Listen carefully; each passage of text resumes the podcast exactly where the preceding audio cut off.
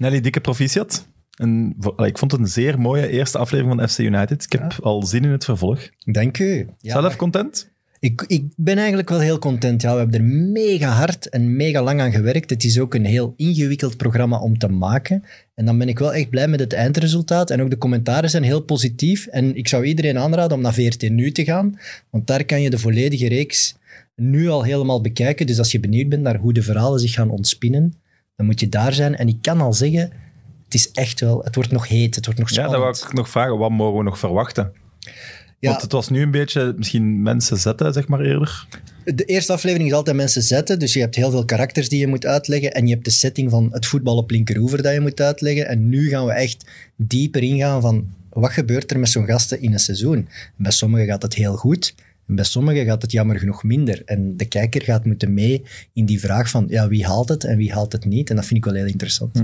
Hoe, hoeveel uren zet je bezig aan al het beeldmateriaal dat er zo'n jaar genomen is, wel in een verhaal te gieten? Want Dat wil je niet weten. Ik denk, Nee. dat, denk dat heel daarom veel dat ik het mensen... vraag, omdat ik het niet wil weten. Ik denk dat heel veel mensen in de, die, die, die, niet, die, ja, die niet geen tv maken, die niet in de sector zitten, niet beseffen hoeveel werk dat daarin kruipt. Want sommige mensen zeggen dan, ah, je moet nu de dag gaan draaien en dag gaan draaien. Maar die snappen dan niet dat we daar anderhalf jaar mee bezig zijn. Dus dat die dan heel lang gaan moeten wachten op een tweede seizoen.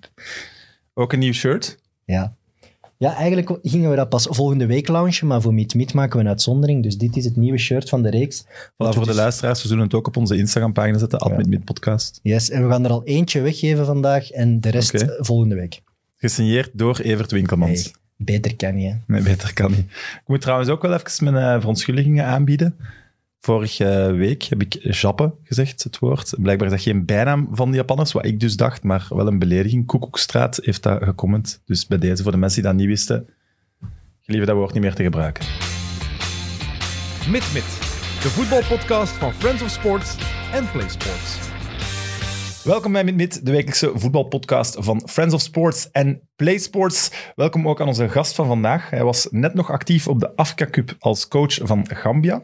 Was deze week ook al te gast bij de tribune en bij Koelkast. Dus ja, we zijn wel benieuwd of hij eigenlijk nog een verhaal te vertellen heeft. Tom, Moet ik eh, al beginnen? Ja, ik, Je denk mocht dat ik, volle bak beginnen. Heb je nog iets te zeggen? Want ik heb nog veel te vertellen. het is Dus, wel eh, heel druk, je, je periode hier in België, ja, vol podcast. vol podcasts en interviews, maar daar moet je maar even van genieten. Eh, er komt wel waarschijnlijk wel weer een stilte, dus eh, eh, geen enkel probleem. Ik heb alle tijd ervoor. Het is het moment om te oogsten, zeg maar. Voilà. Maar was het leuk, al tot nu toe? Want ja, je komt terug in België en had je dat verwacht dat er zoveel aandacht zou zijn? Ja, ik had wel meegekregen dat eh, in de Afrika Cup eh, toch wel heel veel media-aandacht vanuit België was. Zelfs in het nieuws, Ja. eh, waar ze mensen gingen opzoeken die Gambiaan waren, winkeltjes met Gambiaan en dergelijke. Had ik allemaal meegekregen. Dus ik wist wel dat eigenlijk Gambia, of, België een beetje Gambia begon te supporteren. Eh, maar natuurlijk, het is altijd leuk als je terugkomt dat er nog altijd zoveel aandacht is. Ik had liever nog niet terug geweest. Eh, dat had betekend dat we de finale gespeeld hadden. Maar anderzijds eh, genieten we wel van de terugkomst ook. Dan zie, je, zie je maar ho- hoe belangrijk zo'n Afrika Cup wel is voor exposure. Hè? Want je, je vertoeft al, al heel lang op dat continent, maar het is pas als je die Afrika Cup echt haalt, dat je ook bij ons plots... Dat is een soort van keurmerk, de Afrika Cup. Dat is het beste wat er is in Afrika. Ja, ik, ik, ik moet eerlijk zeggen dat ik de laatste 10, 15 jaar eh, regelmatig goede resultaten gehaald heb met landen. Eh, gelijk Algerije gewonnen tegen, of gelijk tegen Zuid-Afrika met Carlos Alberto Pereira en dergelijke. Grote wedstrijden toch wel gespeeld. Dan krijg je wel eens een, een krantenartikel in België. Maar nu met de Afrika Cup heb ik wel echt gemerkt dat ja, heel België, alle media, eh, toch wel aandacht voor heeft. En niet alleen in België. Ik heb eigenlijk echt interviews over heel de wereld en over eh heinden en verre eh, aanvragen gekregen. eh, Maar want iedereen volgt dat wel. wat levert dan exposure op? Dat is de grote vraag nu natuurlijk. Toch? Hugo Hugo Broos, Broos was ja. dat. Hugo Broos heeft hem gewonnen. Ja, maar ja, Hugo Broos was al een grote naam eh, voor hij naar de Afrika Cup ging. Eh, een paar keer trainer van het jaar, kampioen in België, Anderlecht Club Brugge, Mhm. eh, Racing Genk getraind. Dus die had al de naam. Die exposure had hij niet nodig. Ik weet ook niet of het eh, mij iets oplevert. En dat is ook niet zo heel belangrijk. Ik, ik doe mijn job en ik probeer dat zo goed mogelijk te doen. Ehm, en eh, ja, ik, ik weet niet waar mijn toekomst zit. Op dit moment ligt hij in Gambia. Ik heb nog altijd een contract. Eh, maar natuurlijk, eh, ik denk dat er heel veel trainers soms... eh, eh, ja, vragen om aandacht. Hè? Want in moeilijke tijden is het soms niet leuk dat er altijd over anderen gesproken wordt. Nu krijg Nee, je... en als je, als je uit de picture verdwijnt, verdwijnt je ook door de ja, technisch en, directeuren in hun hoofd, denk ik. Dus. Ja, en nu krijg je aandacht en dan moet je er ook van genieten. Ook al brengt dat niet direct een resultaat op van een contract of ergens. Ik denk dat dat ook nooit de motivatie moet zijn. Ik denk dat je gewoon altijd als trainer of als sportman eh, beschikbaar moet zijn. Eh, het is een wisselwerking. Soms hebben wij jullie nodig en soms hebben jullie ons nodig. En eh, ik denk dat dat gewoon een goede samenwerking is en dat dat heel belangrijk is. Het is niet dat je plots je, je cv ehm, hier in België of eh, in Nederland of Frankrijk overal nog eens op de bureaus gaat leggen. Want het is wel een moment. Maar cv, dat is zo groot, dat is, dat is, dat is een hele boek. Hè? is dat 200, Ja? 200 pagina's aan cv? Ja, en dat is niet eens up-to-date. Nee, dat is tot 2015. eh, maar eh, nee, mijn cv is iets, iets korter dan dat. En natuurlijk, eh, ik heb op dit moment niet, niet de behoefte om, om, om te gaan solliciteren. Ik heb eerst en vooral nog een contract tot eh, 2026 Oei, met. Gambia. Ja, heel lang. Ik heb al twee keer, of, twee keer verlengd. Dus eerst negen maanden, dan twee jaar Ja. en nu tot 2026. Zeg jij het duur om weg te kopen nu? Ehm, ze kunnen me niet ontslaan, dat is al iets goed. Ze kunnen me pas ontslaan als ik uit eh, de kwalificatie voor het WK van 2026 ben. Dus ik zit zelf een, een, een tijdje safe. Eh, Goed getekend. Amai, Goed getekend. en ik kan zelf weg eh, met een, een, een kleine afkoopsom van eh, vier maanden salaris. Oh, dus ik En hoeveel is dat dan? een kleine afkoopsom. Ja, oké, voilà. Hey, Ja, niet, niet onoverkombaar voor een Belgische profclub, denk ik. Lijkt me wel. Vier, vier maand salarissen van een bondscoach van Gam. Ik kan, het, ik kan er mij niks bij voorstellen. Maar ik zou wel denken dat het een momentum is. Toch? Ja, maar Kwartfinale Afrika Cup met het, met het kleinste land. Mhm. Dat is een momentum. Dat is gewoon. Dat is, dat is een momentum, maar dan is de vraag of, of een stap op dit moment naar een Belgische club die in nood zit, want het zal altijd een club zijn die in nood zit, die je dan nodig heeft, of dat dat de juiste keuze is. En ik heb op dit moment niet echt het gevoel dat er één club is in België waar ik zelf eh, sta voor te popelen om, eh, om in te stappen nu. Ik, ik heb het goed in Gambia. Eh, mijn naam wordt hier en daar genoemd in de grotere Afrikaanse landen. Dat is ook leuk. Dat wil niet zeggen dat er ooit iets uitkomt, maar in ieder geval wel leuk. En om nu de stap te zetten van Gambia, waar ik toch wel met goede voetballers kan werken, naar een kleinere club in de Belgische hoogste afdeling, met alle respect, dat denk ik niet dat ik dat wil doen. Ja, ik begrijp dat de, de grote Afrikaanse landen, ja, dan kijk je naar eh, Senegal, Egypte, Nigeria, eh, Ghana, de, de Noord-Afrikaanse landen, Algerije, Tunesië. Marokko, Ivoorkust. Er zijn er best wel wat. Is, is, dat, is dat een optie?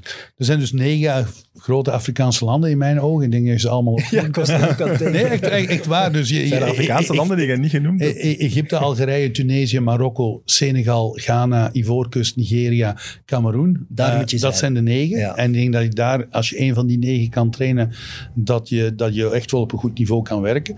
Ehm, Dat je en- naar een WK kan. En, en dat, is mijn doel. Nog, Ja, dat is mijn doel, het WK. Dat is de, de reden dat ik ooit jaren geleden naar Afrika vertrokken ben als bondscoach, was maar één doel. Naar het WK gaan ooit. En Begrijp. ik wist dat ik niet met de Rode Duivels of met Oranje naar het WK zou gaan.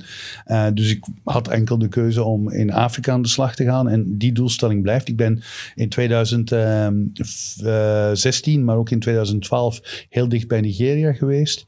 Ehm, ook in 2017, net voor Hugo Broos werd aangesteld, werd mijn naam genoemd in, in Cameroen. Ehm, en ja, die droom blijft natuurlijk om ooit op een WK te staan met een van de grote Afrikaanse landen. Wel, maar het is, ik heb, het is heel moeilijk om een overzicht te maken in uw carrière. Dus ik heb het geprobeerd en er is- was een vraag binnengekomen. Dus liever een Afrikaans topland dan de G6, een G6-ploeg hier. Want jij woont wel in België, dus Ja, ja ik, ik woon in België. En- Ik, woon, ik heb het eerste jaar in Gambia gewoond en in het verleden heel vaak in Afrika gewoond. Maar ik woon eigenlijk al twee, drie jaar eh, fulltime in België. En eh, ik, ik, ik volg heel het Belgisch voetbal. Ehm, G6 is natuurlijk nog iets anders dan een klein eh, Belgisch elftal. Ehm, moeilijke vraag. Ik, ik denk nu, de komende tien maanden, denk dat ik toch nog even droom van dat WK in Qatar. Maar dat zal de komende weken misschien duidelijk worden dat dat niks wordt. eh, dat andere trainers gekozen worden. En dan, eh, dan kijken we wat de toekomst brengt. Maar natuurlijk ooit in België met een goed elftal eh, kunnen werken, blijft ook wel op de agenda staan. Maar is niet op dit moment eh, prioriteit. nee. Het WK in Qatar, want binnenkort zijn het de Afrikaanse playoff-wedstrijden Mhm. daarvoor. Dan wil je eigenlijk voordat die wedstrijden plaatsvinden ergens nog een kans krijgen. Ja, eh, op dit moment wordt mijn naam in de media heel veel, vaak genoemd. eh, beide in eh, Tunesië en in Cameroen. Maar natuurlijk wordt het niet gemakkelijker. Er zijn nog tien landen over. We hebben Egypte-Senegal, de finale. Dat is er één van de twee die er gaat uitliggen. Eh, we hebben Algerije-Cameroen, ook twee toplanden. Ehm, Tunesië speelt Mali, dat lijkt misschien wat meer haalbaar. Marokko speelt Congo, maar Congo Daar kijk een ik naar uit. Huh? Congo, Marokko, dat is toch, eh, het zijn twee landen met een enorme link naar België. Met Ja, heel veel spelers die een Belgische link Op hebben. dit moment is uh, Halihocic bij Marokko en Hector Couper, ex-Valencia Inter Milan trainer van uh, Couper, Congo. ja. Ehm, en eh, Co- Congo heeft voor mij heel veel potentie. Ik, eh, ik was gevraagd door Congo vorig jaar in maart. Oeh, Maar- dat had je moeten doen. Ja, maar ik, ik had... Zaten, Maar dat je de Afrika Cup wel Nee, dat, daarom. Congo zat in onze groep. Hè. We, we zaten in een heel moeilijke groep met Gabon, Congo en Angola. Wij kwalificeerden ons als groepwinnaar en Congo werd derde. Uh, dus ik kreeg de vraag van, van die kant van, heb je geen interesse? En toen heb ik wel even getwijfeld van, Congo kan misschien wel naar een WK gaan, maar dan mis ik de Afrika Cup. En uh, ik heb voor Gambia gekozen om daar te blijven en bij te tekenen. En ik ben wel blij met dat. Maar dus, er zijn een uh, tien grote Afrikaanse landen in de running. En vijf zullen er gaan. Veel te weinig, vind ik, nog altijd. Ja. Um, of het dan voor uh, die play-offs is of na die play-offs, weet ik niet of dat de ke keuzes uh, gemaakt worden. Maar zoals ik zei, ik zit eigenlijk in een goede stoel. Ik zit in Gambia, werk ik heel graag, heb ik een goede bond, goede spelers. Gebeurt het nu niet, zal ik wel ontgoocheld zijn natuurlijk. Ik heb zelfs met de voorzitter van Gambia er open over gesproken vorige week van hey, mijn naam wordt genoemd hier en daar in de media. Ook heel wat andere landen zoals Guinea, Benin, Burkina Faso wordt mijn naam ook wel genoemd. Ik zeg, op zich heb ik geen interesse in uh, een stap naar een land, middelmatig land of veel geld. Maar als het de kans komt om het WK te halen, dat uh, spreekt me wel aan. En hij begreep dat ook. Dus hij zegt ja, ja. ook van als die kans komt, dan, uh, dan laten we je ook gewoon gaan. Maar uh, ja, we zien wel. Maar we hadden het al in de intro gezegd. Je hebt natuurlijk al meerdere podcasts uh, gedaan. Dus moeten misschien naar de luisteraars of de kijkers, die, die, er gaat misschien wat overlap in zijn. We gaan ons daar niks van aantrekken. Hoe? Ah nee, no, voilà. dat was ik ook helemaal niet van plan eigenlijk. Je stem was naar Afrika, ja. man. Is dat ineens verslikt? Oké. Okay. Nee, ik... Maar ik vraag me wel af, uh, hoe solliciteert je? Ja, want we, we lachen er nu over van cv en cv, ja. CV, maar stuurt je dan als coach effectief een, een cv door? Eerst en vooral uh, zijn er zo'n heel aantal trainers die soms in de media roepen, ik heb nog nooit gesolliciteerd. Dat geloof ik niet. Uh, er maar die misschien... laten misschien iemand Ja, oké, okay, maar dat is hetzelfde natuurlijk. Ja, Oké, okay. uh, okay, er zijn een aantal mensen, de Gordiola's en dergelijke, die zullen niet meer een cv'tje moeten opsturen. Uh, maar die moeten heel laten weten, zeg, je mocht me wel, ik ben nog wel geïnteresseerd. Ja, ja. maar, maar ik denk dat 80, 85 of 90 procent van de trainers wel eens moet solliciteren. Um, natuurlijk, bij mij is het begonnen in een, uh, in een tijd, ik ben proftrainer geworden in 2002 in de Faroe-eilanden. Uh, ik had daar ook al gevoetbald en, en dat was nog telefonisch en begin van de internettijd um, heb ik toen met hun uh, contact gehad en zo ben ik aan de slag gegaan. Mijn eerste job als bondscoach is misschien wel uh, een leuke anekdote. Um, ik zat in de Faroe-eilanden, ik, of in, ik zat in Finland, sorry, het was ook in Noorden bij Rob Rovaniemi. Um, en ik werd daar ontslagen een maand voor de competitiestart. En, um, Wat had je misgedaan? Ja, dat, dat, dat vroeg ik me ook af. Ik moet wel eerlijk zeggen, ik moet wel eerlijk zeggen het was een van de mooiste ontslagen die ik ooit meegemaakt heb. um, en uh, ik ben niet vaak ontslagen hoor, maar uh, ik, heb, uh, ik, ik was trainer in de hoogste afdeling van Rovaniemi. Die waren net gepromoveerd. Ik had zestal Zambianen in het elftal. Die waren er al. En ik had zelfs nog een Nigeriaan, een Cameroener gehaald. Ik had Mika Nurmela, ex-Heerenveen, ex-70, 71-voudig uh, Fins International en captain van Finland in mijn elftal. Die ken ik en, uh, ja, tuurlijk ah. Oké, okay, ja. Toch iemand die voetbal kent. Kom maar. Weetjes. ja, ja, maar in ieder geval, uh, het was 2008. En um, we hebben de voorbereiding, wat, uh, wat Liga Cup wedstrijden. We doen het redelijk goed. We spelen 0-0 tegen, tegen Helsinki, topclub daar. En ik stelde niet altijd, ik stelde twee of drie Zambianen op. En die algemeen directeur kwam altijd naar mijn dugout. Zei van, je moet die opstellen en je moet die opstellen. En ik deed dat dus niet. Want ja, ik wil mijn eigen elftal opstellen. En, uh, en een, uh, eind maart, na de voorbereiding, een maand voor de competitiestart eigenlijk, uh, hij mij uit voor een etentje in een restaurant. En ik bestel iets en ik steek net, ik had een salade genomen, want ja, als je met de directeur gaat eten, moet je gezond eten. Dus een salade genomen. Ja, maar ik zou wel oesters, champagne. Ja, ja. Als je, al- voelt, als je voelt dat je afscheid eraan komt, dat ik wel kreeft en oesters Ja, maar dat, besteld. dat, dat, dat wist ik dus toch niet. En ik steek, sowieso als de eerst, andere betaalt. en ik steek de eerste hap salade in mijn mond en hij zegt, by the way, you are fired. En ik dacht van, waar komt dit van? En, Gezellige eh, mens. Ja, en toen bleek dat de, de buschauffeur eh, gezegd had, de buschauffeur van het team, had tegen hem gezegd dat ik niet met de Afrikaanse spelers kon werken. En ehm, dus dat dat het probleem was. En dus die Zambianen. Hè. Dus ik werd ontslagen en dat was eigenlijk wel een, grote shock. Eh, Er werd over gesproken dat ik niet met Afrikaanse spelers kon werken en dergelijke. Ook in de media daar. In België en Nederland werd een beetje lacherig gedaan. Een maand voor de competitie ontslagen. Dus die zal er wel geen, niks van kunnen. Ehm, en ehm, ik ben toen een tijdje in Finland gebleven. Eh, trouwens, Rovaniemi, twee jaar later kwam aan het licht dat al die Zambianen betrokken waren bij matchfixing. Met Rai Parmulan, eh, die van Singapore of Maleisië is.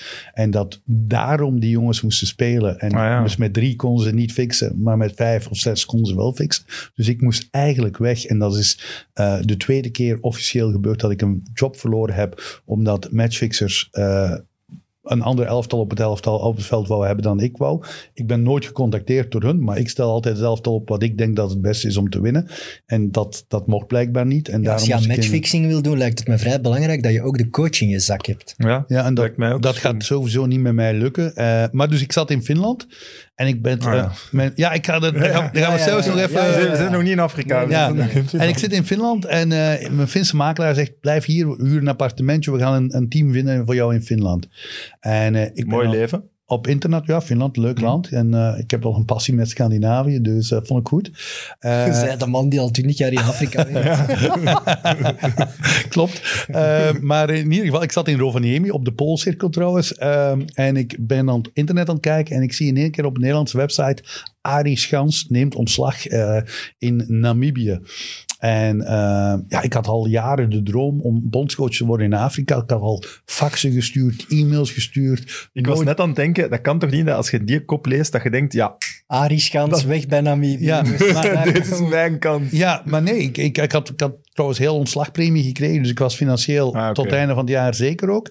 Dus ik, eh, ik bel naar Namibië. Ik zeg eh, naar de voetbalbond. eh, want Gewoon naar de receptie. Naar de receptie. Ik zeg, kan ik de, voor- ik zeg, kan ik de voorzitter spreken? Eh, echt gebeurd. Spreekt u mee? Eh, nee, nee, nee. Nee, en ze zeiden van nee, die, die zit op zijn kantoor van zijn werk. Een bouwconstructiebedrijf. Ik zeg, ja, ik heb die nummer niet. Ah, en ze gaven een nummer van zijn kantoor. Dus ik bel naar zijn kantoor.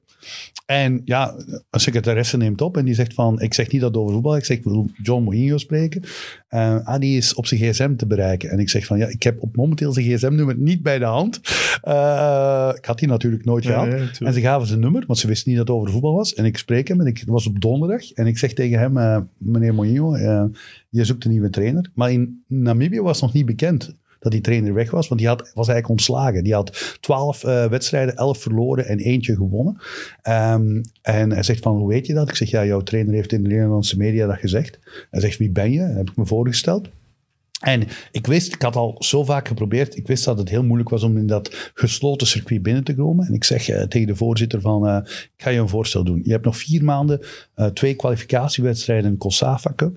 In die vier maanden kom ik naar jou. Je betaalt me geen salaris. Je betaalt mijn vlucht, mijn hotel, mijn eten, maar geen salaris. Als ik niet goed ben, kun je direct afscheid van mij nemen elk moment. Hij zegt, stuur dat voorstel even door en je cv. Dat was op een donderdag. En op maandag kreeg ik telefoon dat ik bondscoach was van Namibië. Omdat je gratis was. Op dat moment omdat ik gratis was, maar ik zat wel in een tophotel en eh, ik werd, Zalig. heel, ik werd heel goed ontvangen. En eh, ik haalde direct resultaten. Eerste wedstrijd eh, overwinning, eh, tweede gelijk, derde overwinning. Misschien moeten Dus, we dat ook eh, eens proberen. Nee, maar nee, je lacht nu. Hoe lang doen we met, met nog? Pak nog een jaar, misschien twee jaar. maar niet dan- gratis. Maar ja, maar we maken daar een docu van, hè. Ah, nee, dat- maar, maar Nee, dus... ik zweer dat, dat lukt ons. maar ik denk, nu ergens coach worden. Ja? Ik denk dat dat nu, nu de tijden zijn veranderd. Hebben jullie diploma's? Eh, Hebben jullie Daar, coach beginnend. ja, ik, zal, ik heb nog twee jaar, dan... Het wordt moeilijker en moeilijker. Trouwens, ik moet eerlijk zeggen, in Afrika bijvoorbeeld, Ik zal misschien zo'n... Als je zo'n sponsor meebrengt of zo. dat heb ik in België meegemaakt. Eh, in 2004, 5, Belgische grote club uit een grote stad. Eh, spannend. Staat, KV Mechelen. staat op. Ik zijn een grote club, hè? nee, grapje. Dovi Keukens was de sponsor. Nee, nee. Een Belgische grote club uit een grote stad ehm, eh, staat op degraderen. Ehm, en ik bel de voorzitter op persoonlijk. Ehm, en ik zeg, meneer de voorzitter, ik, eh, ik heb interesse, dit is mijn filosofie, ik wil jullie erin houden. En die voorzitter zegt, meneer Sint-Viet, eh, wat u zegt klinkt heel interessant. Ik geloof best dat u een goede trainer bent. En hij zegt tegen mij van, als u morgen 50.000 euro sponsorgeld meebrengt, bent u overmorgen trainer van onze club. Meneer Wouters. Ik zeg niks meer verder, maar in ieder geval, eh, dat, eh, dat heb ik in België nog Voor lang de, voor. voor de luisteraars, ik denk dat het Wouters was. Dus, maar ik bedoel, en in Afrika, ik heb toen vier maanden zonder contract gewerkt, eh, met direct heel goede resultaten. Daarna vier jaar contract gekregen. En natuurlijk had mijn resultaten niet goed geweest, was ik ook heel Nee, nee. snel buiten geweest. Maar momenteel in Afrika bijvoorbeeld, als je een club in Afrika wil trainen die Champions League of eh, Confederations Cup, dus Europa League speelt, moet je als Europeaan een pro-license hebben. ja. Anders kom je Oh, niet meer binnen. Echt waar. Dus een Afrikaan moet een CAF-A-license hebben, A-license. En een, eh, een Europeaan moet een pro-license Ja, hebben. Sven van den, van den Broek zit daar toch Die bij zit bij Farabat. In, in Tanzania? Nee, hij zat bij Simba in Tanzania en eh, nu zit hij in Marokko bij Farabat. Ah, oké. En die doet het daar goed, maar die heeft ook een pro-license, eh, Sven. ik zal dat misschien laten photoshoppen of zo. Dat, eh, dat gebeurt en ik ben ervan overtuigd dat dat gebeurt door heel wat, eh, ik zal maar zeggen, mensen uit Oost-Europa.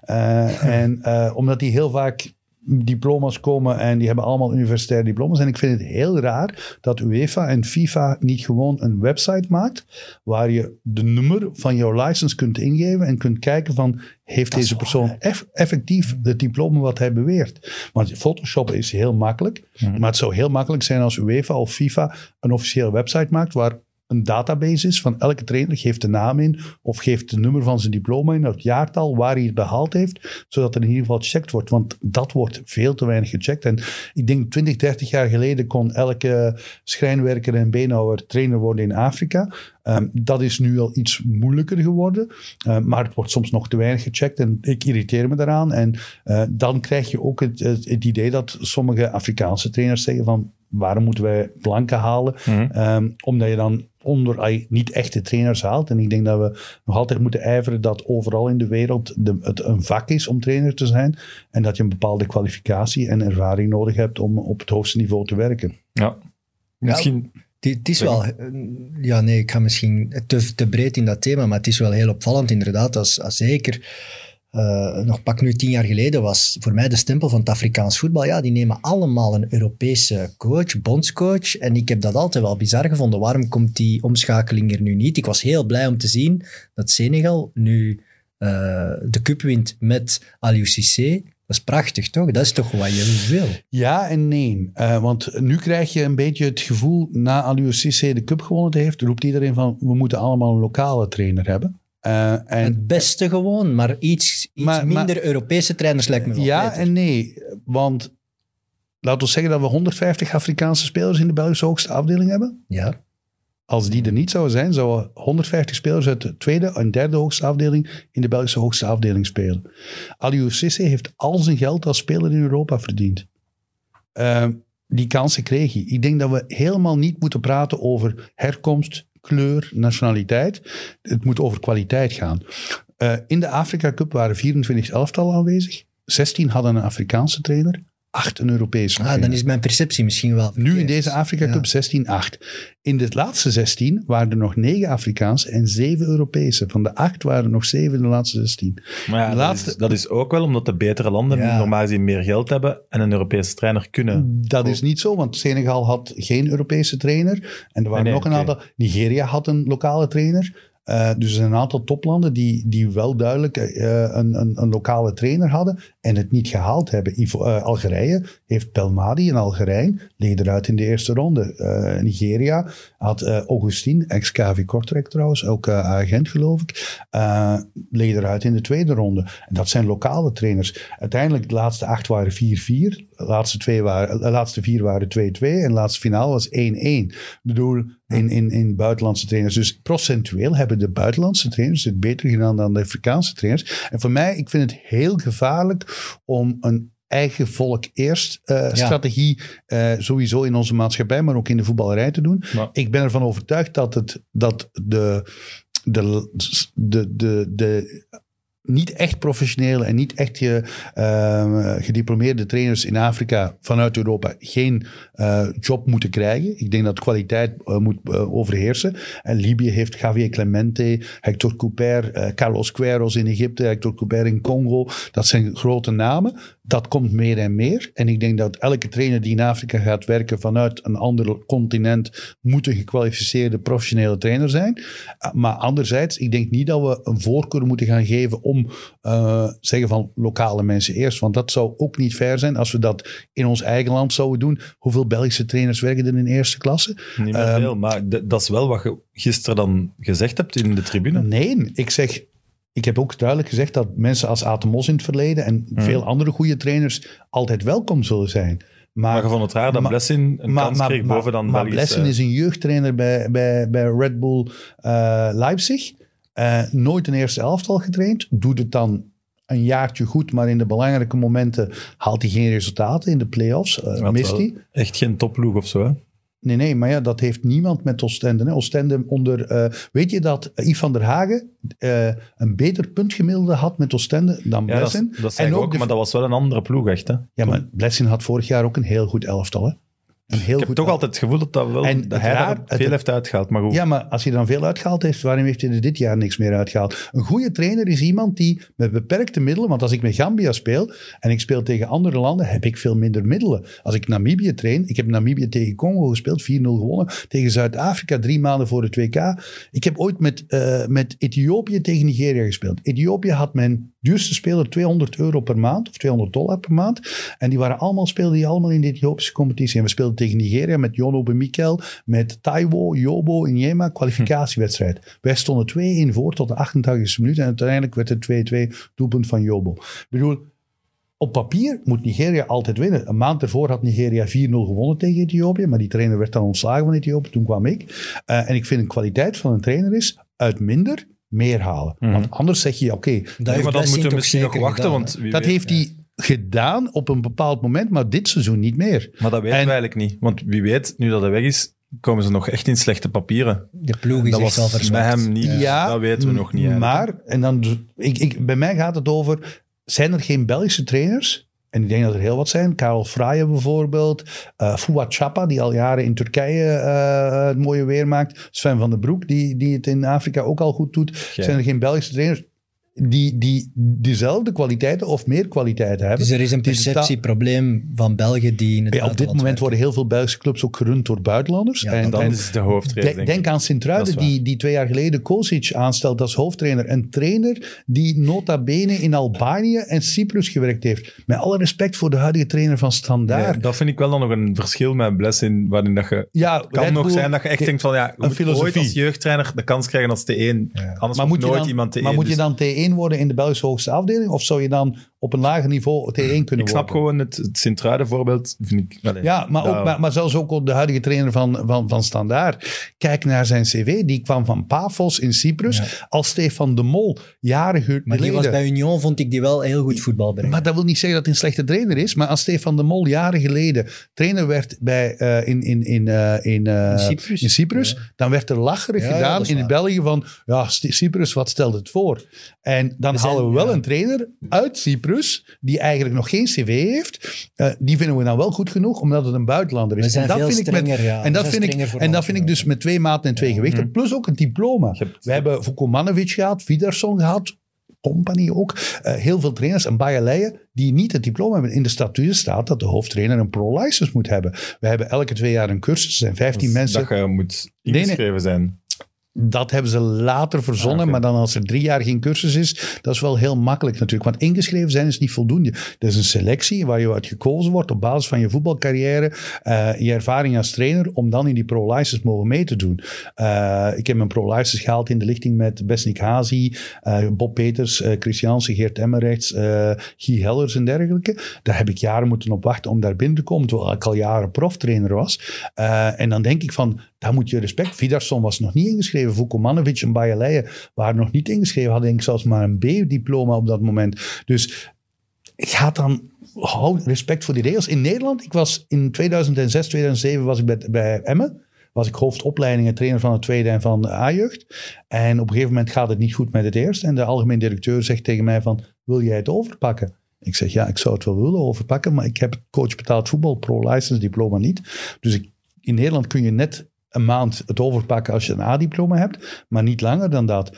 Uh, België is het enige land dat regels heeft, maar daar heel flexibel mee omgaat. En ik denk, als we het trainersvak serieus nemen, dan moeten we ook ja, bepaalde regels serieus nemen. Je kan ook geen tandarts zijn zonder diploma. Je kan ook geen buschauffeur zijn zonder een rijbewijs. Dan moet je, anders neem je trainersvak niet echt, uh, niet, niet echt serieus in mijn eigen ogen. Dus ik vind... Ik, vind ik, dat, ik ben het daar niet helemaal mee eens. maar ik kan, een bus, ik kan heel goed een bus rijden, maar ik heb geen, uh, geen, geen rijbewijs. Nee, nee, maar als jij met een bus rijdt waar mensen in zitten, dan zet je verantwoordelijk over die hun leven ook.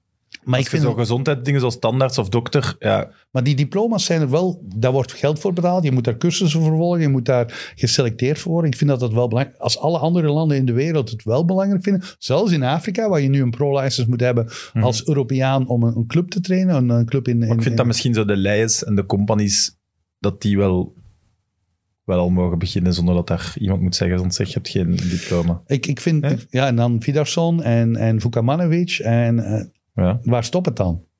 Ik denk nog altijd dat... dat 100 het een- matchen in eerste klasse. Maar een, go- een, Ja. goede, een goede speler is geen goede trainer. Hè? De Nee, Ruud nee, maar Gullits, ja. de Rijkaards, de, de Lothar Matthäussen, eh, de Maradonas.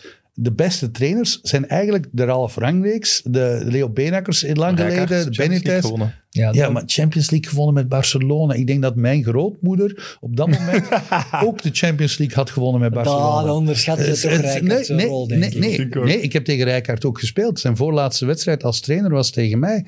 Frank Rijkaard is de eerste trainer in de geschiedenis die gedegradeerd is met Sparta Rotterdam. Degradeert met Sparta en je wordt trainer van Ajax, eh, van, eh, van Barcelona. Ik bedoel, eh, wie, wie- ja, En wint de Champions League. Het kan allemaal. ja, het maar met dat elftal, nogmaals, denk ik dat mijn grootmoeder ook de Champions League Maar het is toch een, gewonnen. resultaats, een resultaatsgericht vak. en dat is het uiteindelijk het enige... Maar hij wat degradeert telt. wel.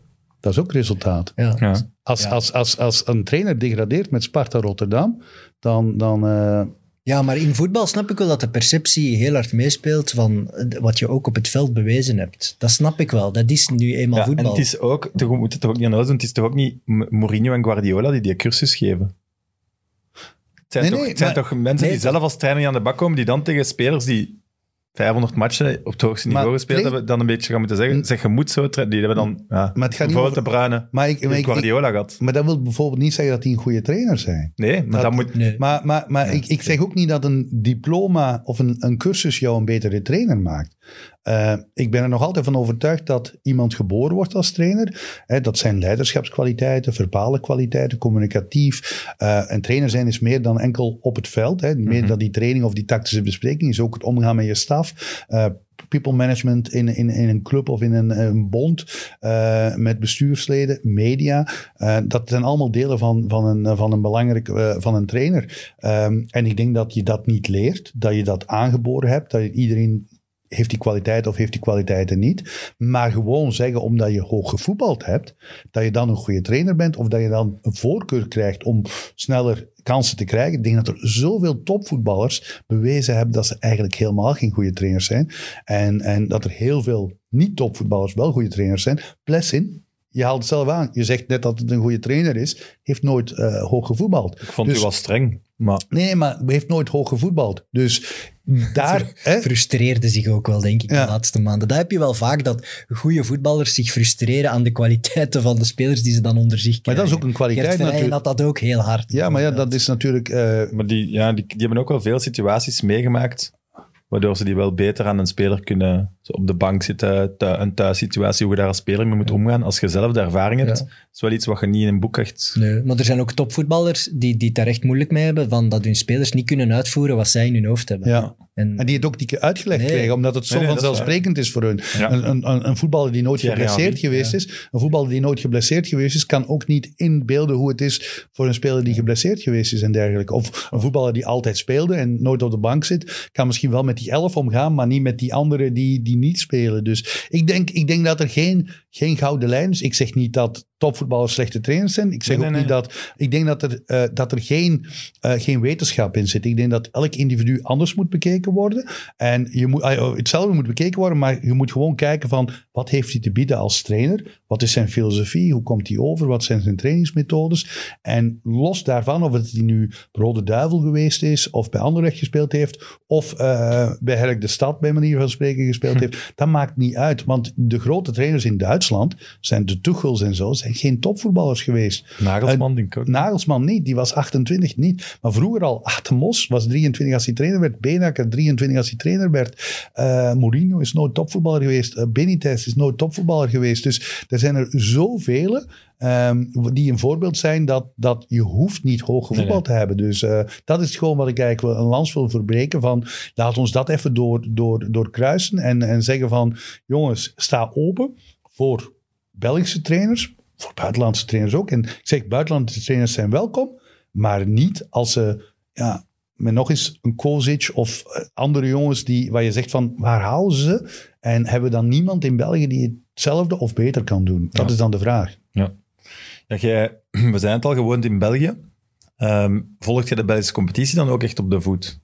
Ja, natuurlijk. Ik heb ook een aantal spelers in België, dus ik ga sowieso eh, regelmatig naar wedstrijden kijken. Ehm, en ja, ik volg elk weekend eh, het Belgisch voetbal, ja.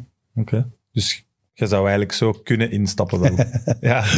Nou ja, ja, ik bedoel, eh, als ik vrij zou geweest zijn, zou ik altijd zo kunnen, zo kunnen instappen, natuurlijk. ja, Maar langs de andere kant, ik denk dat Beerschot dan net met hun vorige trainer bewezen heeft dat ze daar niet echt naar kijken. Amai. Of Nee. je Belgisch voetbal volgt, Maar- maar- je maar ik kon, de die kon, situatie die kon zelfs of- niet communiceren met de club, met de Maar- spelers. maar hoeveel- dat zijn schabouwelijke beslissingen. Maar dat heeft. Sint-Truiden een aantal jaren geleden ook gedaan met een Spaanse trainer aanstellen die ze na twee wedstrijden ontslagen omdat hij niet kan communiceren. Ik spreek vloeiend Frans, Nederlands, Engels, Duits. echt Dat is fouten dat je ergens in een andere sector... Ja. Ja. Zet je toch zelf Maar- ook opgestapt? Ik heb met Sint-Truiden gesproken, met Cercle Brugge gesproken. En dan zeggen ze tegen mij, maar jij bent te lang in het buitenland, je kent het Belgisch voetbal niet. En dan nemen ze een Israëlische trainer, een Spaanse trainer, een Duitse trainer, weet ik wat allemaal. Die nog nooit in België geweest zijn, die de taal niet spreken. Die niet weten Dus- wat Cercle Brugge is, bij wijze van Ja, spreken. bij- bij- wijze van dat is zo Dus- vaak zo. Dus ik, ik bedoel maar van... eh,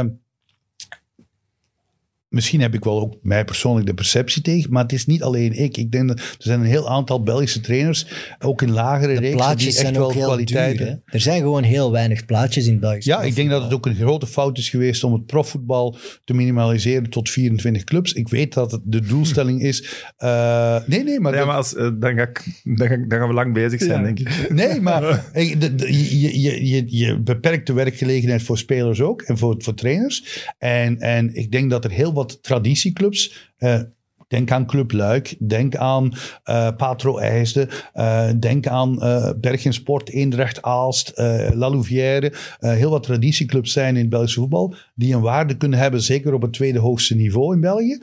En, en die nu ja, in eerste amateur in de duisternis moeten gaan voetballen. Terwijl dat als die ehm, in het tweede, in Nederland hebben ze 20 teams in de tweede divisie en die salarissen zijn helemaal niet hoog. Daar verdien je 1500 euro.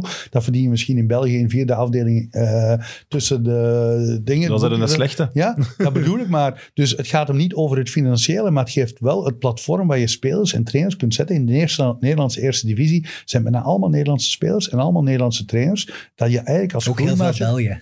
ja, op een jonge België. Jonge maar, je, maar wel groeimarge om te leren. En misschien was dat wel interessanter geweest. Onze, eh, en niet met tweede elftallen trouwens, maar wel met echte clubs eh, werken. Want dat tweede elftallen, dat wil ze in Duitsland al jaren vanaf. En wat ze in Duitsland geprobeerd hebben met Bayern 2 en Dortmund 2. Want bijna niemand wordt opgeleid door die tweede elftal. Dat zijn aparte identiteiten, want ze moeten ook kampioen worden of erin blijven. Ja. Eh, willen ze nu in België invoeren. Gewoon om de macht van de grote groter te maken. Eh, maar het helpt het voetbal natuurlijk niet. Want dan speel je voor 200 toeschouwers tegen Anderlecht 2. eh, en het zal veel leuker zijn voor 3000 toeschouwers tegen Inderdaad Aalst te moeten voetballen, denk ik dan. Ehm, en ik denk dat we dat terug moeten krijgen. Dat we een bredere basis van prof, semi-prof voetbal kunnen krijgen. Salarissen hoeven niet te hoog zijn. Semi-prof ben ik akkoord. Ja, maar we ja, hebben elkaar al gevonden. Sam. Ja, nee, maar ik drie bedoel- minuutjes. Nee, maar ik denk dat We zijn dat, eh, ik denk dat, dat, dat dat kan. En dan kun je trainers laten ontwikkelen, kun je spelers laten ontwikkelen. En ik denk dat dat veel beter is voor eh, het ontwikkeling van het Belgisch voetbal. Ja. Het is ook gewoon zo dat Belgische trainers of het Belgisch voetbal in het algemeen is altijd eh, niet zo goed geweest in het zichzelf verkopen. Hè. Er is een tijd Perceptie altijd tegen. Er is een Ja. tijd geweest dat Nederlands voetbal bijna de wereld overnam. Dat er drie, vier bondscoaches waren Mhm. van grote landen, grote clubs werden geleid door Nederlandse trainers. Dat hebben wij nog niet gehad. En ik denk dat dat misschien met de nieuwe generatie van huidige topvoetballers die trainer zouden worden, kan veranderen. En dat gaat ook ten goede komen aan de trainers die onder, dat, onder de top zitten. In, de, in zo'n perceptieverhaal, ik had er dan gisteren mee voor te bereiden ook wel over bezig. Bijvoorbeeld Van Hazenbroek. Daar leeft dan de perceptie over. Hij heeft een kans gekregen bij Genk. Dat lukte niet. Dan Anderlecht, gezien de omstandigheden, is misschien nog verzachtend. Maar is ook dan niet gelukt. Dat kleeft daar zo'n beetje op. Die overleefden in de Champions League. Ja, hè. ja, voilà. Dus- nee, maar ja, ik vind dat niet. Ik vind dat niet, maar dat is toch Ja. de perceptie naar topclubs nu nog die naar hem kijken. Maar bijvoorbeeld dan een John van den Brom, ja, dat die bij AZ, bij Utrecht, dat er daar ook allerlei dingen zijn misgelopen, dat is hier dan niet zo gekend. Nee. Dus die perceptie is veel... Nee, dat Veel klopt. beter. Hè? Dus Van Haasbroek heeft gefaald bij Genk en Anderlecht. Dat wordt dan zo aangenomen. Eh, maar ja, Company zit al drie jaar bij Anderlecht en krijgt alle tijd om te falen en weer op te staan en te falen en weer op te staan. Dus het was twee maten en twee gewichten, Van de Brom ook. Eh, en zo zijn er nog wel heel wat, wat trainers. Dus ik denk dat er altijd met twee maten en twee gewichten wordt eh, gewogen. Eh, wat Mazou doet, hij deed het met Charleroi. Hij doet het nu met Union. Oké, in Genk niet. Misschien met het taalprobleem, maar heeft hij ook... Het taal- slecht, slechtste moment om erin te stappen misschien ook. ook dat nog. Hè? Ja. En misschien had hij het wel niet zo slecht. Is hij ook wel veel te vroeg eh, de laan uitgestuurd. Eh, hè, want Genk heeft na hem niet echt veel beter gedaan. Eh, dus dus ik, ik, ik, ik, ik, ik, ik vind dat soms dat wij nogal kritisch zijn naar onze eigen trainers en minder kritisch naar buitenlandse trainers. Ja, voilà, dat is die perceptie. hè. Hebben we het al over de Afrika Cup gehad eigenlijk? Nee, nog niet. maar ik had nog één vraag er eerst over. Eh, hoe wilt je dat zelf? En tot welk niveau wilt je een, een Belgische club? Oh nee, ik, eh, op dit moment alleen maar het hoogste Maar niveau. niet alleen op dit moment gewoon... Ah, Ja, Dus ik heb in, ik heb in Club Brugge. 2014, 2015 zeker, heb ik uh, turnout getraind voor Wadi Degla. Eh, toen werd ik gebeld in januari door uh, Maget Sami en Adar Shauki. Uh, zij kenden mij nog via Walter Meus, die bij Wadi Degla gewerkt had. En uh, turnout stond toen achtste in uh, derde afdeling. was een full profclub met heel veel buitenlanders. Voertaal ook Engels op training. En ze wouden bij de top 4 eindigen om de eindronde te halen. Um, ik heb het toen overgenomen. We zijn vierde geworden. Van de achtste naar de vierde Top. plek in, uh, in elf speeldagen of zo. We hebben de eindronde gehaald. Uh, en uh, toen hebben we 0-3 gewonnen op Union. Uh, in derde afdeling. We hebben nog een strafschop gemist en nog een bal op de lat. En um, toen dachten we dat we dus al in de tweede ronde zaten van de eindronde.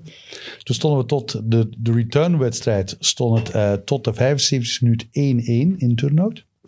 En toen werd het 76 minuut 1-2, 77 minuut 1-3, 78 minuut 1-4 en lag turnout eruit. op drie minuten. Op drie minuten. En dat heeft een hele wrange nasmaak. En ik heb nog altijd uh, twijfels wat er in die wedstrijd Ja, gebeurd dat is. was een vraag die we binnengekregen. Gelooft je echt, ik weet nu niet waar ik me gezet heb, maar gelooft je echt dat daar matchfixing is gebeurd dan? Ik, heb, uh, ik ben heel goed bevriend met Jan Houspie, die uh, altijd in matchfixing onderzoek ja, heeft gedaan. Die heeft C. Junier onderzocht onder ja, andere. En ik heb toen ook direct Jan Houspie gecontacteerd met de vraag of kun jij onderzoeken met jouw mensen of dat er uh, gokcircuit geweest Mhm. is. Dat sowieso niet. Dat is duidelijk dat daar De- niet op gegokt is. De reden die het vaakst voorkomt voor matchfixing, denk ik, dat soort gokken. Ja, als het over Ja, geld gaat. maar, maar het kan natuurlijk ook. Er, er zijn een paar pistes die mogelijk zijn. En ik kan het niet echt. Uh, Het was een boycott van uw eigen spelers. kijk, mijn spelers. nee, nee.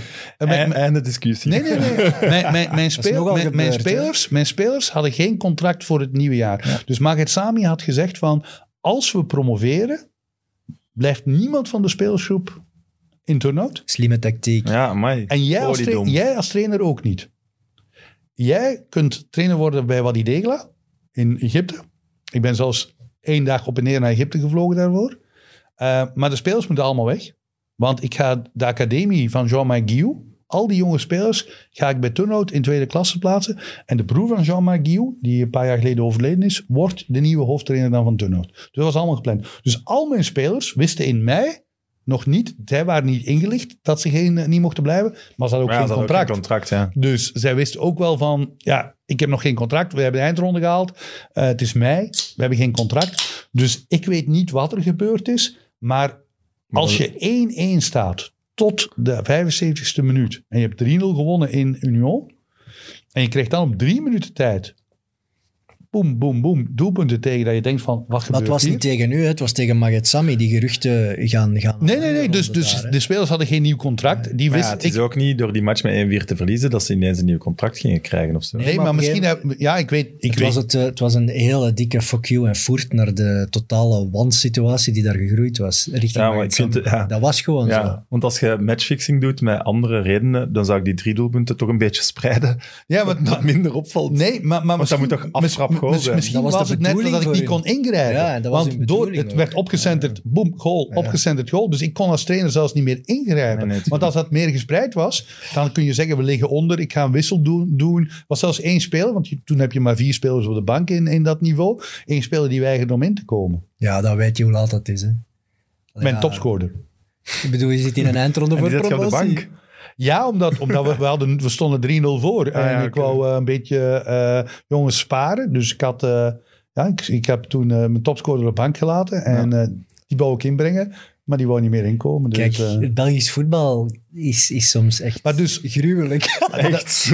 dus de enige kans die ik in België gehad heb, denk ik, ja, ik heb ze overgenomen als achterstander. We zijn vierde, ja. nee, we zijn vierde geworden. Dus eh, puur eh, statistisch gezien heb ik de, de hoogste eh, puntratio van alle trainers in de laatste twintig jaar van Turnhout. En dat gaat van de Saire. Nee, maar, nee, maar de Saire, Stefan de Mol, eh Fouad Chapa, Erik van Meer, eh, Daniel Simmes. Die staan allemaal op dat lijstje. En daar heb ik de hoogste puntratio. Dus ja, Ja, dat gaat. Maar verder nooit gekomen dan dat. oké. Eh, de Afrika Cup. We het over de We zijn Afrika Cup er? zullen we, we zijn er.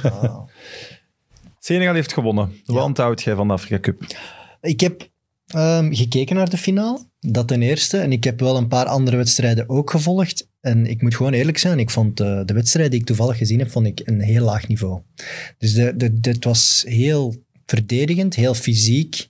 Heel veel tijdrekken vond ik ook. Heel veel kleine fouten die het spel verstoorden. En ja, het, het, het was niet sprankelend. Mag ik dat zeggen? Eh, ik heb heel weinig wedstrijden gezien, omdat ik mijn focus op mijn elftal had. Eh, maar ik denk dat we even uit onze koker moeten komen. 34 graden, heel vochtig. Spelers die allemaal in Europa van winter komen, gedropt worden in coronatijd, heel weinig vrijheden hebben. Weinig automatisme ook, vond ik. Natuurlijk, maar ja, automatisme. Wij zijn zeven- 27 december was de eerste data dat we konden op trainingkamp gaan. We zijn naar Qatar gevlogen op trainingkamp.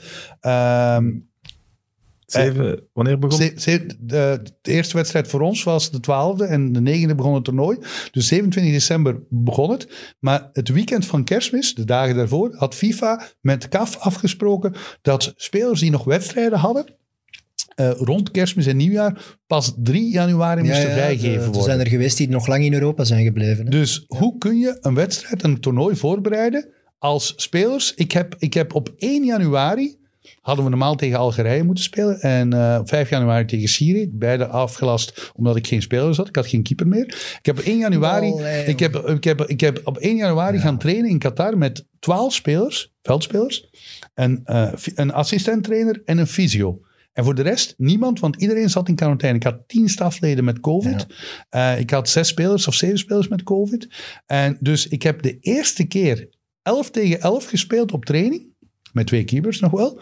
De eerste keer 11 tegen 11 op 8 januari in Cameroen, vier dagen voor onze openingswedstrijd. Dat was de eerste keer dat ik genoeg spelers had en twee keepers had om 11 tegen 11 te spelen. En dat geldt niet alleen voor mij, dat geldt ook voor die andere teams. Want als FIFA je zegt, want we roepen wel van ja, de trainers en het automatisme en dergelijke. Maar stel je voor dat een, een WK gespeeld wordt en een week voor het WK kun je pas samenkomen en kun je pas voor de eerste keer met je elftal trainen. De, Dan, dan, dan dan- gaan er spelers en trainers in protest, denk ik. Maar als je daar begint aan, aan te storen, dan moet je eigenlijk niet aan de avontuur willen Nee, nee, maar de, regel was hoort erbij. 27 december. Ja. Dus die is gewoon twee dagen daarvoor veranderd om de clubs in Europa Ja. te- tevreden te Dus dat toernooi wordt eigenlijk al op voorhand gedevalueerd Ja. vanuit een hoge Ja, instantie. natuurlijk. Waar Natuurlijk. En natuurlijk, het was, de weersomstandigheden waren wel heel moeilijk. Niet alle grasmatten Ja, dat heb ik waren ook top. gezien. Sommige Vooral in, Du- stadions, in Douala was heel, heel slechte grasmat. Stroperig. En, Ja, en, en, en kon ook heel harde niet- ja. ondergrond en dergelijke.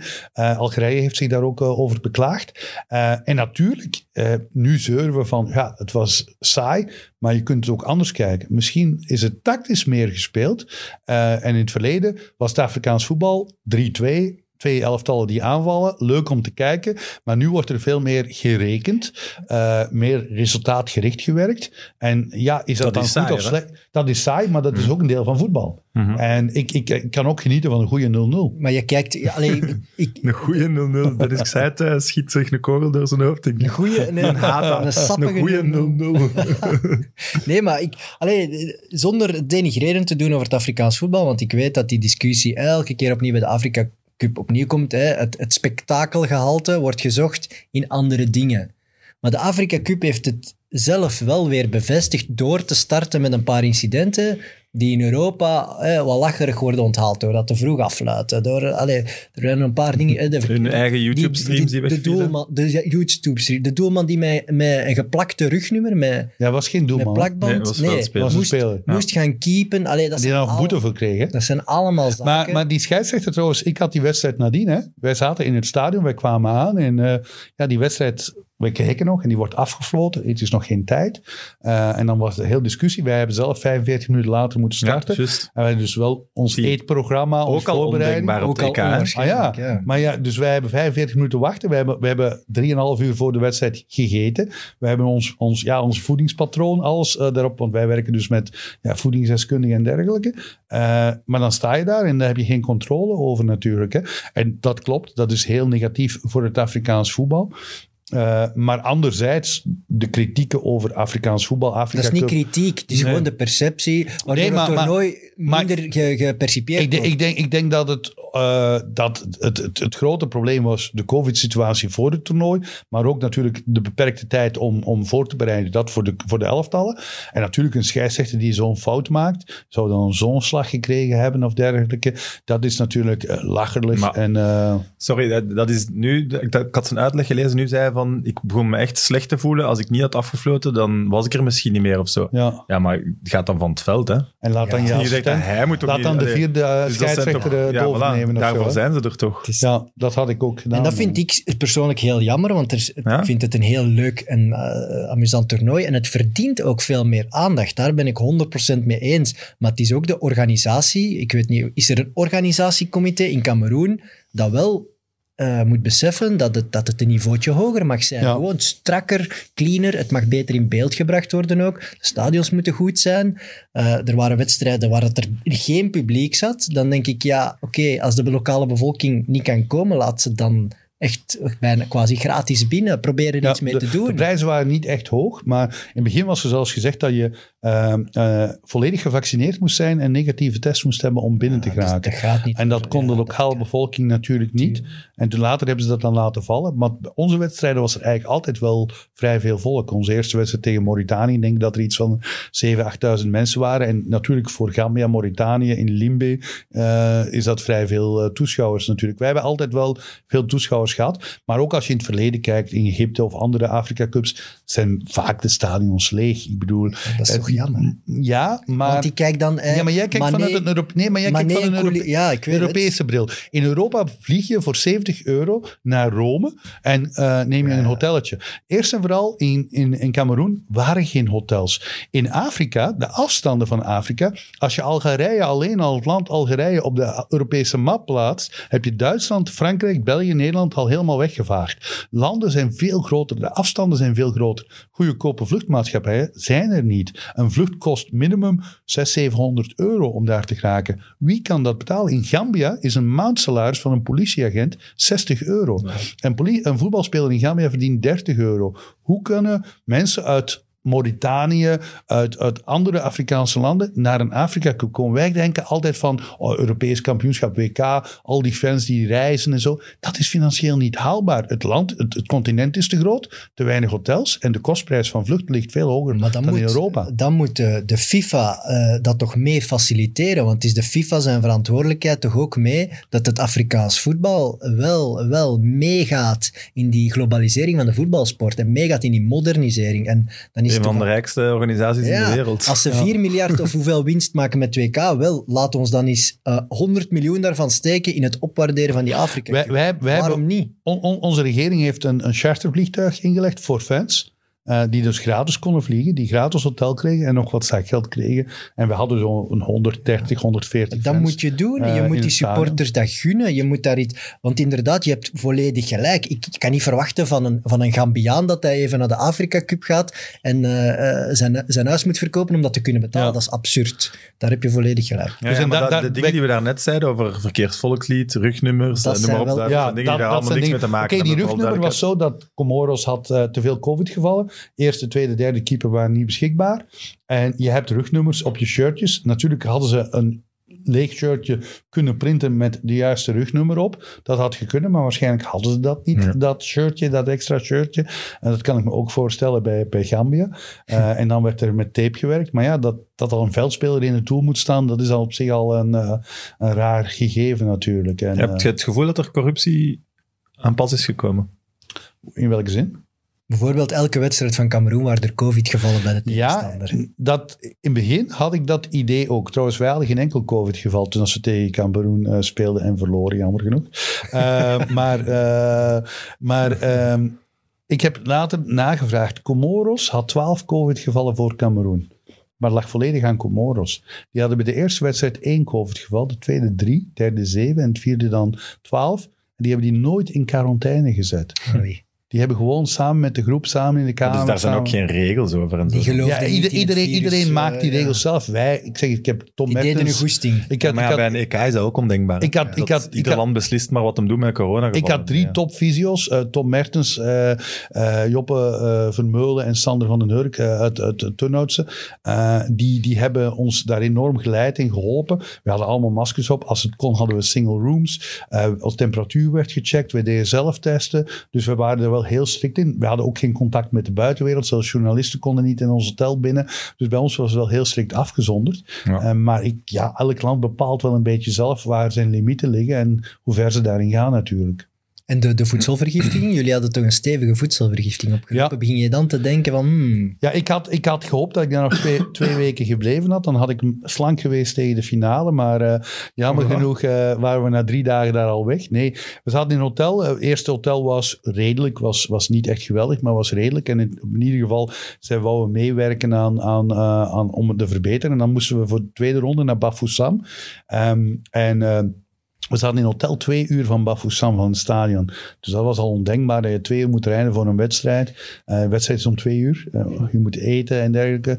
Ehm, eh, en we hebben toen ehm, de avond voor de wedstrijd iets gegeten. Maar ja, eten dat is pasta, rijst, kip, eh, tomatensaus. Veel ander eten eh, staat daar niet op het menu. Dat is hetgeen dat we ook doorgeven. En eh, ik ben zelf heel ziek geworden. En eh, totaal tien mensen van mijn staf en spelersgroep ehm, overgeven diarree heel de nacht. Noah Sonkel Sundberg, Zweeds Gambiaan, die heeft de hele dag aan een infuus gelegen in het hotel. Uh, Seidi Janko, ex-speler van Maar Manchester dat was United. geen opgezet spel. Wacht even, Real, Madrid, eh, Real Valladolid. Die is een uur voor de wedstrijd, eh, kwam de dokter naar mij en zegt, die kan niet spelen. Zijn bloeddruk was gezakt naar 95, 50. 30 minuten voor de wedstrijd, Ibu Touré. Die zegt van, ik ga flauwvallen, ik kan niet spelen. Dus ik heb nog de laatste uur nog twee wedstrijden van de basis moeten veranderen. Eh, en diezelfde avond dat wij voedselvergiftiging hadden, uh, had ook uh, Kaapverdië, die in hetzelfde hotel zaten, ook negen spelers met hetzelfde probleem. Dus is 100% zeker dat het hotel verantwoordelijk was voor de voedselvergiftiging. Maar of dit een fout of een bewuste fout is, dat weet ik niet. Je begint te snappen waarom dat België, als die naar zo'n toernooi gaan, 40 man, waarvan 10 keukenpersoneel. Ja, die nemen hun eigen chef-koks en zo mee. Ja. Marokko deed het ook. Marokko had uh, zelfs allemaal hun eigen matrassen mee voor, de bed, voor het bed. En al het personeel in het hotel moest weg. Eigen koks, eigen Die zijn next level dan in Afrika. Ja, dat, uh, ja. Marokko heeft net dat budget meer dan... Uh, maar van jullie, van jullie voetbal wel, werd wel meteen gezegd dat, dat er, er een van de weinige ploegen was met echt een idee. En, en allez, je kreeg enorm veel lof. Hè? De, de, manier waarop jullie voetbalden, dat jullie altijd een heel goed tactisch plan hadden. Uh, dat was dan toch iets dat je... Allez, ja, dat vind ik leuk en dat, dat klopt ook wel. Hè. Ik denk dat we ook in, sinds ik overgepakt heb, ik denk dat ik het al aangehaald had, uh, in september 2013 was de laatste competitieve uh, overwinning voor Gambia tegen Tanzania. 13? 13. Vijf jaar geen overwinning in, in uh, kwalificatie. Dat is en San ik, Marino niveau. En ik kwam in juli 2018 aan. Dus vijf jaar na hun laatste overwinning kwam ik aan. Stonden ze 172 op de wereld. Nog 39 landen achter hun. en, uh, en ik ben dus van scratch beginnen bouwen. Mijn eerste wedstrijd was al direct een gelijkspel tegen Algerije. Met Mares en Fegouli Slimani. Uh, tweede wedstrijd uh, gelijkspel tegen Togo met Adebayor en dergelijke. De vierde wedstrijd 1-3 gewonnen tegen Benin. Dus we hebben direct wel resultaten gehaald. Maar we hebben ook geprofessionaliseerd. Maar heel belangrijk in dat was de keuze voor een goede organisatie. Als je een huis bouwt, iedereen wil graag een mooie schilderij, een mooie foto of uh, een flatscreen tv hebben. Uh, maar uiteindelijk moet je een goed fundament hebben en dat moet stabiel zijn. En ik ben eigenlijk verketterd in Gambia en nog tot op heden, omdat ik eigenlijk veel te verdedigend voetbal speel. Betonvoetbal. Betonvoetbal speel. Of betonvoetbal speel. Maar in ieder geval, uh, ik, ik ben verketterd, want zij willen aanvallend voetbal zien. Maar dat deden ze voor mijn komst en toen verloren ze 4-0 tegen Cameroen, 4-0 tegen Zuid-Afrika en dergelijke. Vijf jaar geen overwinning. Hè? 2013, september, de laatste overwinning. En heel veel van die spelers, de Omar Collies en zo, staan nu nog altijd in mijn elftal, die toen ook speelden. Hè? De merendeel van de spelers. Hè? Ja, het is ook niet dat je in vijf jaar alleen maar tegen toplanden gaat gespeeld hebben. Hè? Nee, en, en ik, ik, ik heb maar één keer tegen een niet-topland gespeeld. We hebben tegen Algerije, we hebben Algerije twee keer gelijk gespeeld, Marokko gewonnen, ja, nu ook Tunesië gewonnen, uh, Gabon gewonnen, Congo gewonnen, Togo gewonnen, Gewonnen. Dus wij hebben Angola gewonnen, uh, Gabon met Aubameyang gewonnen. Allemaal ook ex-werkgevers? Ja, ook. nee, nee oh, niet allemaal ex, sommige toekomstig werkgevers. maar, uh, maar, uh, maar dus, ik heb een goede organisatie neergezet, maar niet alleen verdedigen, want dat is makkelijk. We hebben ook een aanvallend plan. En ik denk dat iedereen wel zag dat we in de tweede helft uh, bepaalde wissels doorvoerden, waardoor we meer controle kregen en meer kansen kregen. Dus de eerste helft is altijd het idee 0-0.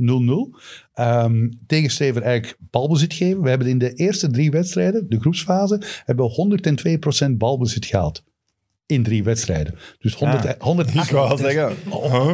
twee ballen in 33, 34 procent. Ja, per wedstrijd. Maar we hebben wel zeven punten gehaald. Twee overwinningen en een gelijkspel. En heel bewust, ik wil de bal niet hebben. Als je de bal hebt, kun je verliezen. Uh, en als je hem niet hebt, kun je hem niet verliezen. Dus uh, op zich heeft dat een... Nee, dat maar is Johan Cruijff Omgekeerde Johan ja. Cruijff. Ja, maar echt, wij hebben dus bewust heel energy saving. Het was heet, 34 graden. Uh, heel bewust, heel getemporiseerd tijdens de eerste helft. Die andere ploeg laten drukken.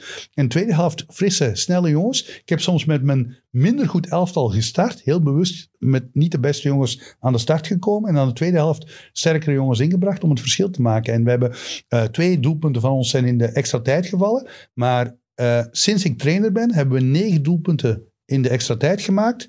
En nog eens tien andere doelpunten in de laatste kwart, uh, kwart van een je hebt wedstrijd ze fitter gemaakt. gemaakt. Nee, ik, niet fitter, want ik ben helemaal niet geen fysiek. Ik heb er helemaal geen controle over. Ik heb maar een paar dagen training met die jongens. Ik heb ze gewoon uh, intelligenter laten voetballen.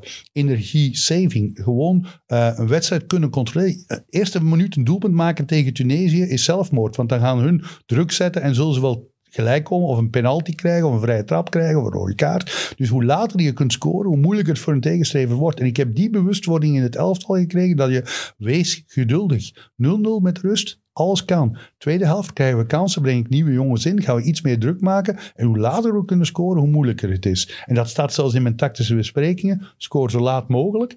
En, en ja, dat vertrouwen komt eens dat dat lukt en meer en meer lukt, zit dat ook in het hoofd. En, en dat, dat dat heel belangrijk was. We hebben een, een team gekneed die vertrouwen had in het systeem. Want je moet het maar willen, hè? de bal niet willen hebben als voetbalspeler. Maar dat Hatelijk, wel, denk ik dan. Hatelijk, ja. Mm-hmm. Maar ik heb Allee, ook gezegd, je kan, 90, je kan 90 minuten feesten en na de wedstrijd wenen. Of je kan 90 minuten niet, niet zo leuk vinden, maar na de wedstrijd wel feesten. Ja. En we hebben heel veel gefeest na ik de zie wedstrijd. het al voor mij, dat je zo aan de dertigste minuut alleen voor de goal komt, dat je die klok ziet, dat je denkt, ah nee, het mag niet. Het is te vroeg. Ja. tegen, tegen, mag nog niet scoren. Tegen, tegen Mauritanië, ja, tegen Mauritanië heeft uh, Ablaye Diallo gescoord na 12 minuten. Dus, Oei, uh, direct gewisseld. Ja. niet content. Hey. Ja, nee, ik, ik heb het wel ooit meegemaakt in, in Emmen. Uh, met tweede elftal van Emmen tegen het eerste of tegen het tweede van Volendam. En ik had allemaal A-jeugdspelers, met onder andere Bas Dost. We stonden 1-0 achter met de rust. En ik zei tegen mijn spelers van, ga niet voor die, tijdens de rust, ga niet voor die 1-1 nu. Want als we 1-1 maken, ze hadden heel veel eerste elftal spelers, acht jongens van de eerste elftal. Dan gaan zij drukken en maken ze direct uh, 2-1. En na vijf minuten, tweede helft, scoren wij 1-1. Iedereen gelukkig. En ik denk, verdomme. En twee minuten, twee minuten later scoort uh, Volendam 2-1. En ik heb gezegd, rustig blijven, rustig blijven. En we hebben de 93 minuut 2-2 gescoord. Ja, Dus maar dat werkt niet altijd zo. toch? Nee, nee, je zegt nu de voorbeelden Ja. bij, wie, bij wie het goed is uitgedraaid. Ja, maar er zijn er wel meer dan dat. Ja. Het, eh, en die andere heb ik gewonnen in de eerste helft al. De trainer gokt, de eerste trainer die gokt op de laatste minuut. Evert, we hebben het al gezegd, Afrika Cup. Waar heb jij gekeken? Hoe, hoe heb jij Oh. gekeken? Dat is, dat is een van de dingen die mij ja, dat, dat stoort. En dat stoort ook het publiek, dat je die Afrika Cup in België niet kon volgen. Dus ik heb Hesgoal altijd moeten gebruiken. Af en toe was BBC er wel, maar niet veel. Dus vooral Hesgoal, wat eigenlijk illegaal is om te gebruiken. Maar dat was de enige manier om toch wat wedstrijden te zien. En vaak viel die feed dan weg. En dan kreeg ik zo'n draaiend eh, klokje op mijn scherm. En dan werd ik stiepelzot tijdens de verlengingen en tijdens de penalties. Maar zo moet je dus zo'n groot landentoernooi volgen in België. Dat is onwaarschijnlijk. Ja, ik vind het ook schandalig. In het verleden was Eurosport nog wel iemand die Ja. broadcast. En als je ziet dat in Duitsland was een betaalzender die het wel had. In Nederland ESPN. eh, Engeland Sky heeft alles uitgezonden. Ik denk dat België een van de weinige landen was waar de mensen het niet konden volgen. En als je dan kijkt naar onze multiculturele samenleving. Ik denk dat er heel wat mensen wel geïnteresseerd zouden geweest zijn om een Afrikaans land te volgen. En dat, dat is heel jammer. Ik weet wel dat bij ons in straat, in Bol, eh, ze een groot scherm hebben gezet en een paar wedstrijden live gekeken hebben met eh, heel de straat. Met Maar ja, dan valt daar de stream ook uit. Dan hoop ik niet dat ze mijn stream Ik, gebruikt ik weet hebben. niet wat ze Amai, gebruikt wat hebben, maar, het is Ik wel jammer. eh, want ik was naar Manchester geweest dit weekend, de taxi terug tijdens de finale. Egyptische taxichauffeur. En echt in die penalty dingen, we zijn allemaal aan het kijken en dat valt gewoon uit. Ai, Ja.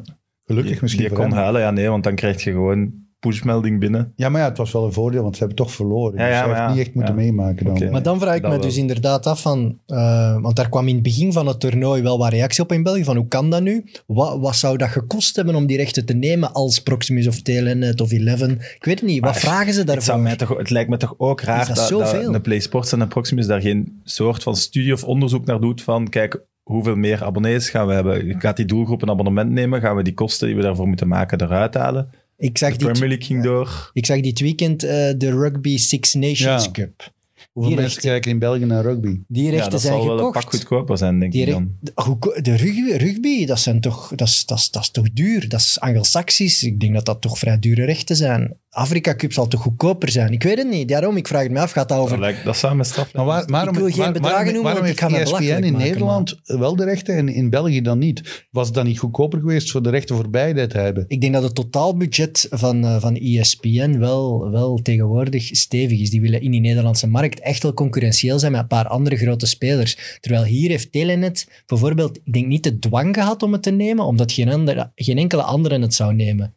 Terwijl ESPN moest het pakken omdat misschien anders Sigo het had genomen. Ja, zou kunnen. Ja, ik denk dat ze zo aan Ja, er waren, wel, er waren wel heel veel spelers uit de Jupiler Pro League. Heel Ik denk, veel, ja, heel enorm veel. Dat is een heel Belgisch Ja. getint eh, Afrika Cup natuurlijk. En je had ermee toch kunnen profileren. Hè? Je kan ermee profileren van, kijk, wij zijn mee in de, met de New Wave. En wat Coolcast ook wel uitstraalt, van er is een diverse maatschappij. Zeker in onze grote steden zijn er heel veel jonge mensen die, die, die echt wel die Afrika Cup willen volgen. Had een kans geweest, denk ik, om dat toch te benutten. Ja, en ik denk dat zoals, eh oké, het is januari, maar je brengt mensen ook bij elkaar die samen gaan kijken naar een voetbalwedstrijd, supporteren voor hun land van herkomst of hun favoriet land. Dus ik denk dat er heel veel win-win eh, had aan geweest. Ik vind het gewoon jammer, maar ik vind het zelfs jammer dat ook de FIFA Arab Cup, eh, die in november, eh, december gespeeld werd, ook niet gebroadcast werd en dergelijke.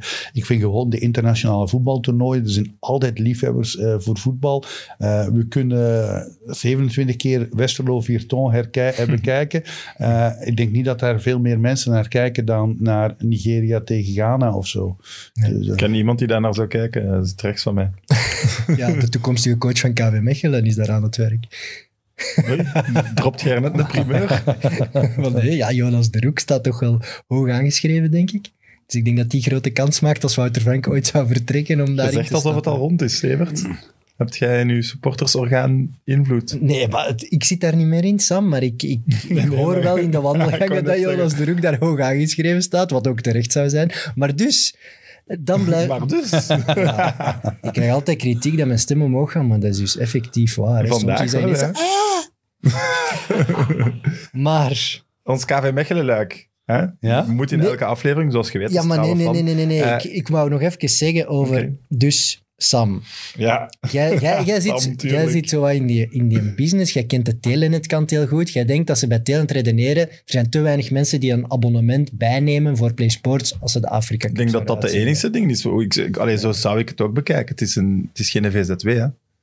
Je moet een som betalen, dus je gaat toch kijken van hoe gaat die som mij terug opleveren. Maar je Ga kan ik zoveel abonnees extra hebben waardoor ik het kan uitzenden, het kan commentatoren Maar, opzetten? maar je kan ook denken van de huidige abonnees, niet de extra abonnees, maar hoe, hoe tevreden zouden die zijn? Dat snap ik ook. En je kunt ook durven ehm, als investering zeggen, oké, we halen er maar de helft terug uit, maar we gaan het wel doen, zodat als binnen twee jaar, als het een Want, nieuwe want is... ik, ik heb Play Sports ik en ik, ik, ik wil heel graag Italiaans voetbal volgen. En dan speelt Bologna met Moussa Berro of Omar Colli van Sampdoria. En dan zie ik de 27e keer Westerlo Virton te kijken. Eh, in Wat plaats heb jij van, tegen die ploegen? eh, in plaats van live eh, Bologna tegen, tegen Empoli uit te zenden. En dan kan ik dat zien. Daar heb ik voor betaald. Niet voor 27 keer diezelfde wedstrijd te zien. Dus dan we zitten nog dat in eh, volle onderhandeling met PlaySports voor de verlenging van ons contract, dus misschien moeten we het niet helemaal afmaken. Maar misschien moet ik ook een... Als er een, als er een leuke aparte competitie is waar ze over twijfelen om de rechten te nemen, moeten ze ons daarop zetten voor de omkadering. Hè? Dat zou ik, zou ik briljant vinden. Ik had super graag de Afrika Cup gedaan. Echt, met volle goesting. Bijvoorbeeld. Oké. Ja. Of we, doen, we gaan gewoon eens rond de volgende keer. Het moet niet altijd Anderlecht Brugge zijn. Hè? Ik bedoel, ik heb Salah tegen Mané gezien. Super intense, emotionele wedstrijd. Slechte wedstrijd wel. Ja, maar wel- nog... de spanning die droop Maar er vanaf. Maar hoeveel, hoeveel wedstrijden op een WK of een EK zijn echt goed? Ja, Want nu praten we dat het een slechte wedstrijd is. Maar als je Schotland tegen Slovenië ziet op een EK, dan is dat ook geen geweldige Ik moet wedstrijd. eerlijk En- zeggen dat ik het niveau op TK goed vond eigenlijk. Nu wel. maar je herinnert Ja. achteraf de goede wedstrijden. Maar niet alle wedstrijden die je gezien hebt. En je hebt misschien ook niet alle wedstrijden gezien. En, en dus De omkadering is zo Ja, opzwepend. maar ook, ook het beter, stadion. beter Ik bedoel, een vol stadion Ja. geeft ook een ander gevoel. Als je een wedstrijd eh, in derde provinciale gaat bekijken, heeft het een ander gevoel dan, dan een Ja. wedstrijd in een vol stadion dat alles picobello geregeld is. Dus dat is soms de, de, de foute perceptie van het niveau van het voetbal. En natuurlijk de weersomstandigheden, de tactische keuzes, de minimale voorbereiding voor spelers en trainers heeft ook invloed op het resultaat. Ja, dat vergeet je snel, maar dat is, in- dat is zelfs zeer Ja. cruciaal in de uitleg Tuurlijk. waarschijnlijk. Ik zag, ik, als je eh, YouTube Raga tegen wie dat Casablanca ziet, Ja. zou je moord voor plegen om, Om dat eens daarbij te zijn, hè? om daar eens bij te zijn. Ik zag eh, Koulibaly en Mané, die terugkwamen in Senegal met de cup. Waanzinnige Ja. beelden, daar wil je bij zijn. Maar dat toernooi straalt dat niet uit. Dat is heel raar. Ja. Dat matcht niet. Dat is heel raar. Dus als ze die vibe op dat toernooi krijgen, dan gaat dat ook allee, hier beter in Eh, positief. En de link met KV Mechelen. Caboret, talent van het toernooi. Ja, Ex-Mechelen-speler. Was op het einde, herinner ik me wel, zijn basisplaats kwijtgeraakt. Ja, Sandy Walsh. En dat is ja, Caboret had een fenomenaal debuut bij KV Mechelen, want dat zit soms al ver weg, maar die was echt dat je dacht van waar komt die als een komeet? Die is supersnel, die had een supergoeie voorzet in één tijd. Dat was echt, ik herinner mij nog tegen Doku, die hield Doku helemaal uit de match. Voor de rust pakte Doku al rood, uit een soort van frustratie van ik kan er niet langs. Waanzinnig, Manchester City direct, hup, hier is een paar miljoen. Ja, en dan, dan gaat zo'n jongen een paar maanden daar ook in mee. Die gaat er te veel in geloven. Blijkbaar heel veel entourage en makelaars die van overal kwamen opduiken om een graantje mee te pikken. En ja, niet meer zo gefocust op training. Maar een waanzinnig talent. En hij bewijst het nu ook bij Troyes. Speelt daar alles. Eh, jonge speler van toernooi. Dus ja, met wat geluk gaat hij echt nog wel een Europese carrière tegemoet. Hè. En ik was heel blij om Bandé te zien. Bandé, die ook bij KV Mechelen fenomenaal was voor een jaar naar Ajax gegaan, zware blessure gehad. Die was op dat toernooi aanwezig, heeft ook direct een doelpunt gemaakt. Dat is ook aan dat toernooi, je ontdekt weer van alles. Mhm. En je ziet ook die jongens stralen. Zo'n Bandé, dat was de eerste keer in drie jaar dat hij nog eens kon lachen, denk ik. Maar het is dus zo, en dat wordt enorm onderschat, hoeveel waarde die spelers hebben aan het spelen van de Afrika Cup. Die jongens mogen in Italië of in Engeland spelen, miljoenen verdienen, maar voor hun land uitkomen. En in de Afrika Cup spelen is het hoogste wat zij willen ambiëren. En, en een grote eer, ook al is dat hotel niet top, het stadion en het veld niet perfect en de voorbereiding niet goed, maar zij, zij vinden het wel. En dat wordt ook soms onderschat. Eh, je ziet heel vaak spelers die in Europa wel goed presteren. Komen ze in Afrika of in een nationaal elftal, kan het niet. Maar Druk. omdat de druk, De druk, enorm ja. groot is. Hè. Eh, een heel land wil hebben dat je wint. Wij zijn voor het toernooi onthaald geweest door de president van het land met honderden mensen. En iedereen gaf daar een speech en iedereen zei daar gewoon van, wij verwachten dat jullie de cup mee naar huis brengen. een, een land dat nog nooit gekwalificeerd was. Maar dat, dat, dat, dat is dus, dat is Afrika. Ja. Daar moet je, ik heb met, met, met Gambia, vijf jaar hadden ze niet gewonnen. Ik kwam daar 1-1, 1-1 eh, tegen eh, Algerije-Togo. Dan verliezen we 0-1 thuis van Togo. En we konden het veld niet meer af. Eh, dus dat was mijn derde wedstrijd met Gambia. Wat twee keer gelijk gespeeld. We spelen, we verliezen thuis 0-1 van Togo, die 50 posities beter op de FIFA-ranking staan dan ons. En we konden het veld niet meer af, want stenen en flessen werden naar ons gegooid. En de politie moest komen met schilden, van die grote schilden, moest de tunnel langer maken. En terwijl ik met mijn spelers onder die schilden liep, vielen de flessen op, op, op die schilden en de, en de stenen. We hadden 0-1 verloren van de 90ste minuut van Togo, een land dat vijf jaar niet gewonnen had. Maar de, ma- de maand nadien winnen we 3-1. En gaat iedereen op hun knieën zitten en eh voorover buigen van zijn we helden. Hè? Maar dat, dat is Afrika. De passie voor voetbal. De druk is enorm voor spelers, voor trainers. Wordt soms onderschat. Ik denk dat de druk in het Belgische voetbal voor het merendeel van trainers en spelers veel minder is. Maar de Afrika Cup, je hebt één wedstrijd, of, eh, of een, een nationaal elftal, je hebt één wedstrijd. Verlies je die, blijft die ook drie maanden staan, is nederlaag. Als je morgen met Anderlecht verliest tegen Eupen, eh, of eh, dan de week nadien win je weer, dan, dan is iedereen dat weer vergeten. Maar nationaal elftal niet, en zeker in een continent waar iedereen gek is van voetbal, is die druk enorm. En voor spelers is dat wel belangrijk, denk ik. Maar we hebben een aantal ook Gambianen. Hè. Ik denk Ablai Diallo, die bij Serijn speelt. Heeft ook twee doelpunten gemaakt bij ons. Is eigenlijk ook een speler die veel te veel onderschat wordt. Zou eigenlijk in Nederland moeten voetballen. Ik ben ervan overtuigd, zet die in Nederland bij Vitesse, Heerenveen of, of, of Twente. En die speelt binnen de twee jaar bij Ajax Amsterdam of PSV. Maar gewoon een geweldige voetballer. Dat is Maar- stevig. Ja, maar serieus. Maar bij Serijn zit hij niet in de juiste competitie en niet bij de juiste club. Maar technisch een geweldige voetballer. Oké. Het, is een, het is een heel goede vraag eigenlijk van Stijn Francis, die we hebben binnengekregen. Eh, hoe weet je of een Afrikaanse speler kan, zal slagen in Europa? Dus wat, waar liggen de gevaren? Eh, waar kijkt je naar? En wat is het beste land om ze in Europa te laten starten? Ik denk dat België sowieso al een goed land is om in Europa te starten. Ik denk dat dat ook al jaren, vroeger de tijden van Amokachi, Keshi en nog vele anderen. En ook in de jonge generaties. Waarom België? Het is vrij centraal gelegen. Wij spreken heel veel talen. Men kan hier Engels, Frans. eh, en dat is al heel handig. Want als je naar Frankrijk gaat als Engelstalige of naar Duitsland als Franstalige, dan wordt het al wat moeilijker. Plus het niveau. Het niveau is niet te hoog in de Belgische competitie. Dus het is wel instap klaar. Misschien niet alle spelers. Sommigen zullen beter in Scandinavië kunnen instarten, instappen. Omar Colli is begonnen in Finland. Twee jaar Koeps, dan twee jaar uh, New Gardens, dan Racing Genk en nu al een paar jaar Sampdoria. Dus iedereen neemt zijn weg daar wel in vinden. Maar het is heel belangrijk dat een speler niet naar de grote competitie gaat, maar dat hij rustig de tijd heeft om zich aan te passen aan Europa, aan de cultuur, het weer, de manier van eten, werk en dergelijke. En dan eh, kan hij doorgroeien. Hoe zie je dat een Afrikaanse speler het gaat maken? Dat is natuurlijk heel, heel moeilijk. let je op welke Ja, karaktereigenschappen? welke ik denk, ik denk dat karakter dingen? enorm belangrijk is natuurlijk. Het- de, de mentaliteit van een speler maakt heel veel. Niet alleen met een Afrikaanse speler, maar ook een Belgische speler. Hoeveel goede talenten die we als jeugdproducten bij, bij profclubs zien, halen het nooit omdat ze gewoon gaan zweven. De, de foute eh, omkadering hebben. Mensen die al denken dat ze een nieuwe Pele en Maradona zijn. eh, te veel geld op korte termijn willen verdienen. Dus het is heel belangrijk een goed karakter, goede kop en goede begeleiding te hebben. En natuurlijk, eh, naast de, de, de technische kwaliteiten, is ook een bepaalde eh, fysieke kwaliteiten, snelheid, explosiviteit. Je moet je kunnen onderscheiden van de gemiddelde Europese speler. Hè. Waarom wil je een Afrikaanse speler? Omdat die, of een buitenlandse speler? Omdat hij iets anders brengt dan, dan de jongens die wij hebben.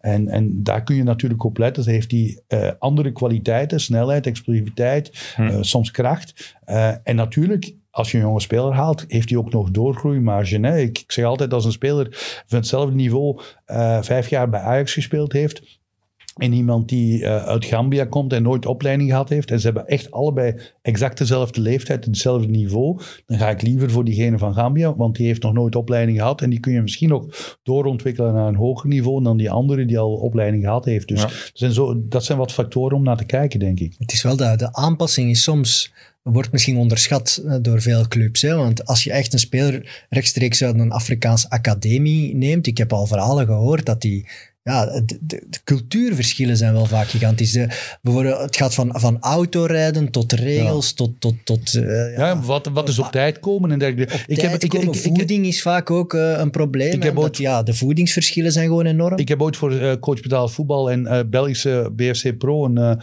presentatie moeten geven, maar ik had toen net getekend bij Toho, dus ik was er niet. maar ik heb een, ik heb een, ik heb een presentatie over, over, over werken met vreemde culturen en hoeveel clubs er eigenlijk kapitaalvernietiging ja. doen door uh, hun spelers die uit een andere cultuur komen. En we hebben het er straks al over gehad. Um, je kijkt altijd van je eigen, waar je opgegroeid bent, dat is jouw normaal. Maar ons normaal is niet hetzelfde in Nederland, of uh, ons normaal is niet hetzelfde in, in Afrika, of in Azië, of in Brazilië, of ergens. Dus uh, een normaal is heel relatief. Hmm. Maar dus als je jongens uit verschillende culturen, verschillende landen laat komen, dan zou je eigenlijk wat studie moeten doen in hun cultuur, weten waar, waar ze vandaan komen. We kunnen allemaal wel roepen, zij moeten zich aanpassen. Ja, maar jij hebt geïnvesteerd, je hebt geld geïnvesteerd in een speler, dus dan wil je daar ook het maximale uithalen. Ik geef één voorbeeld. Ik werkte in Jordanië bij Shabab al-Ordon. Abdel, Abdeladib Salem, jij moet hem kennen. Ja, ook bij KV Mechelen. Uh, bij KV Mechelen gezeten. Is een topspeler in, was toen een topspeler in Azië. Uh, een heel goede voetballer. Heeft twee wedstrijden gespeeld bij KV Mechelen. Terug afgeserveerd. Ik geloof dat ze 200.000 euro voor hem betaald hadden. En dan hebben ze maar teruggestuurd. En niet omdat hij een slechte voetballer was. Maar de trainer op dat moment in KV Mechelen was iemand die eerst en vooral geen Engels sprak. Ten tweede, iemand die alleen maar roept en tiert uh, als coachingsmethode, maar niet uh, een people manager is. Uh, en als je weet dat een Arabische jongen altijd, als je tegen een Arabier of een moslim roept, dan klappen die dicht dan, dan, dan worden die onzeker. En jij als trainer bent verantwoordelijk om het maximale uit een speler te halen, ook voor je club, om, om ja, gewoon kapitaal te laten doorgroeien. Leg je arm rond de schouder, praat met die kerel. En ik denk dat jij wel weet wie dat de trainer toen was. Als ik al zeg roepen en tieren, dan, dan moet het eigenlijk al voldoende nee, zijn. Uh, ik ben goed aan het nadenken. Ja, dat is, een, dat is al lang geleden. Dat is 2008 of zo, nee? 2010, zoiets. Ja. Zegt, want die is ondertussen op voetbalpensioen, hè? Dus ja. dat is echt al lang geleden. Uh, Peter Maas was de trainer. Ah ja, en, en, ja. en dus, maar, maar, maar, dat had je moeten weten. Ja, maar, dat ik maar dus daarom, ik denk, als een, club, als, een club, als een club een buitenlandse speler haalt, moet die club en die trainer weten, waar komt die jongen vandaan? Wat is op tijd komen in, in een land? Is dat een half uur te laat komen? Is dat één minuut te laat komen? Of is dat effectief op tijd komen? Voor ons is dat vanzelfsprekend. Maar ja, we uh, kennen ook allemaal... Academisch kwartiertje. Ja. Nee, nee, nee. Maar, maar ik, ik heb met Gambia niet één speler die één seconde te laat komt. Ik heb nog nooit in een Afrikaans land een speler gehad die een seconde te laat komt. Maar we kennen allemaal... Maar omdat jij daarop drilt van... Ik dril ja, daarop. Ik wil dat. En dat is, dat is geen... En anders, daar is de deur. Je hebt, dus, ja, allee, je hebt bijvoorbeeld een Bocani die, die in zijn eerste jaren in België een, een barbecue hield in zijn living en dat soort verhalen. Die zijn er was ook, dat, heb ik nog niet gehoord. Nee, oh. dat, dat, was niet een Bocani. Dat was een, bij Club Brugge een speler, een Senegalees, Bocande, denk ik. Uh, Jules Bocande. Ja, in de jaren tachtig. En die, die kwam rook uit de living en uh, die ja, had een barbecue. toe en zo. En ja, ja, ja, ja, ja. dat ben ik zeker Mama doet dat. Denk ik, dat, ik heb dat verhaal ook ooit gehoord. Ik ken toevallig ook mensen in Mechelen die appartementen altijd verhuurden aan voetballers. En, en vaak bij Afrikaanse spelers was er, was er echt een enorme cultuurverschil. Dus enorme schade aan het appartement. Maar, maar daarom moet je ook die spelers begeleiden. Daarom is het de verantwoordelijkheid van een club als je een buitenlander haalt, en we praten over Afrikanen, maar dat kan even gewoon ja, Japaner ja, zijn, dat kan even een, een, een, een Zuid-Amerikaan zijn, dan moet je die spelers begeleiden, tuurlijk, dat, dat die in een het, ander land zijn. Dan moet je daar als trainer, maar ook, je hebt uh, me, mensen, uh, sociaal werkers bijna in een club die soms in de jeugd zijn ingeschakeld, schakel die ook in in de integratie voilà. van die spelers. Waar kunnen ze eten vinden? Waar ja. kunnen ze misschien wel eten vinden van hun land? Uh, in Antwerpen is een winkel, in Brussel is een winkel. Waar kunnen we die dingen, waar kunnen we die jongens gaan helpen? Wat doen ze? Hier is jouw appartement hier is een auto. Hier is een auto. Is dit, en kom maar ja. af op training. Ja. En we laten ze aan een lot over. En dat is kapitaalvernietiging. Als je investeert, als je buitenlanders haalt, moet je ze ook begeleiden. Niet alleen voor die speler, maar ook voor jezelf om het maximale uit zo'n talent te halen. Eh, kan je, allee, dat is nu heel mensenhandelachtig, maar kan je geen kapitaal verdienen door een soort van link te zijn tussen de Afrikaanse talenten en België? Ja, ik krijg heel vaak de, de vraag van makelaars, clubs, ehm, of ik eh, tips kan geven, of ik erbij betrokken wil zijn. En ik, eh, ik, ik rij met een oude tweedehands eh, Opel Corsa. En daar ben ik fier op. Ehm, ik, ik ben nog... Met een koffer vol cashgeld. Ja, dat zou kunnen. Dan moet ik straks eens kijken, krijg ik dat van dit programma? Eh, eh, maar nee, nee, gewoon puur omdat ik, eh, ik wil nooit in mijn leven betrokken zijn met eh, transfers.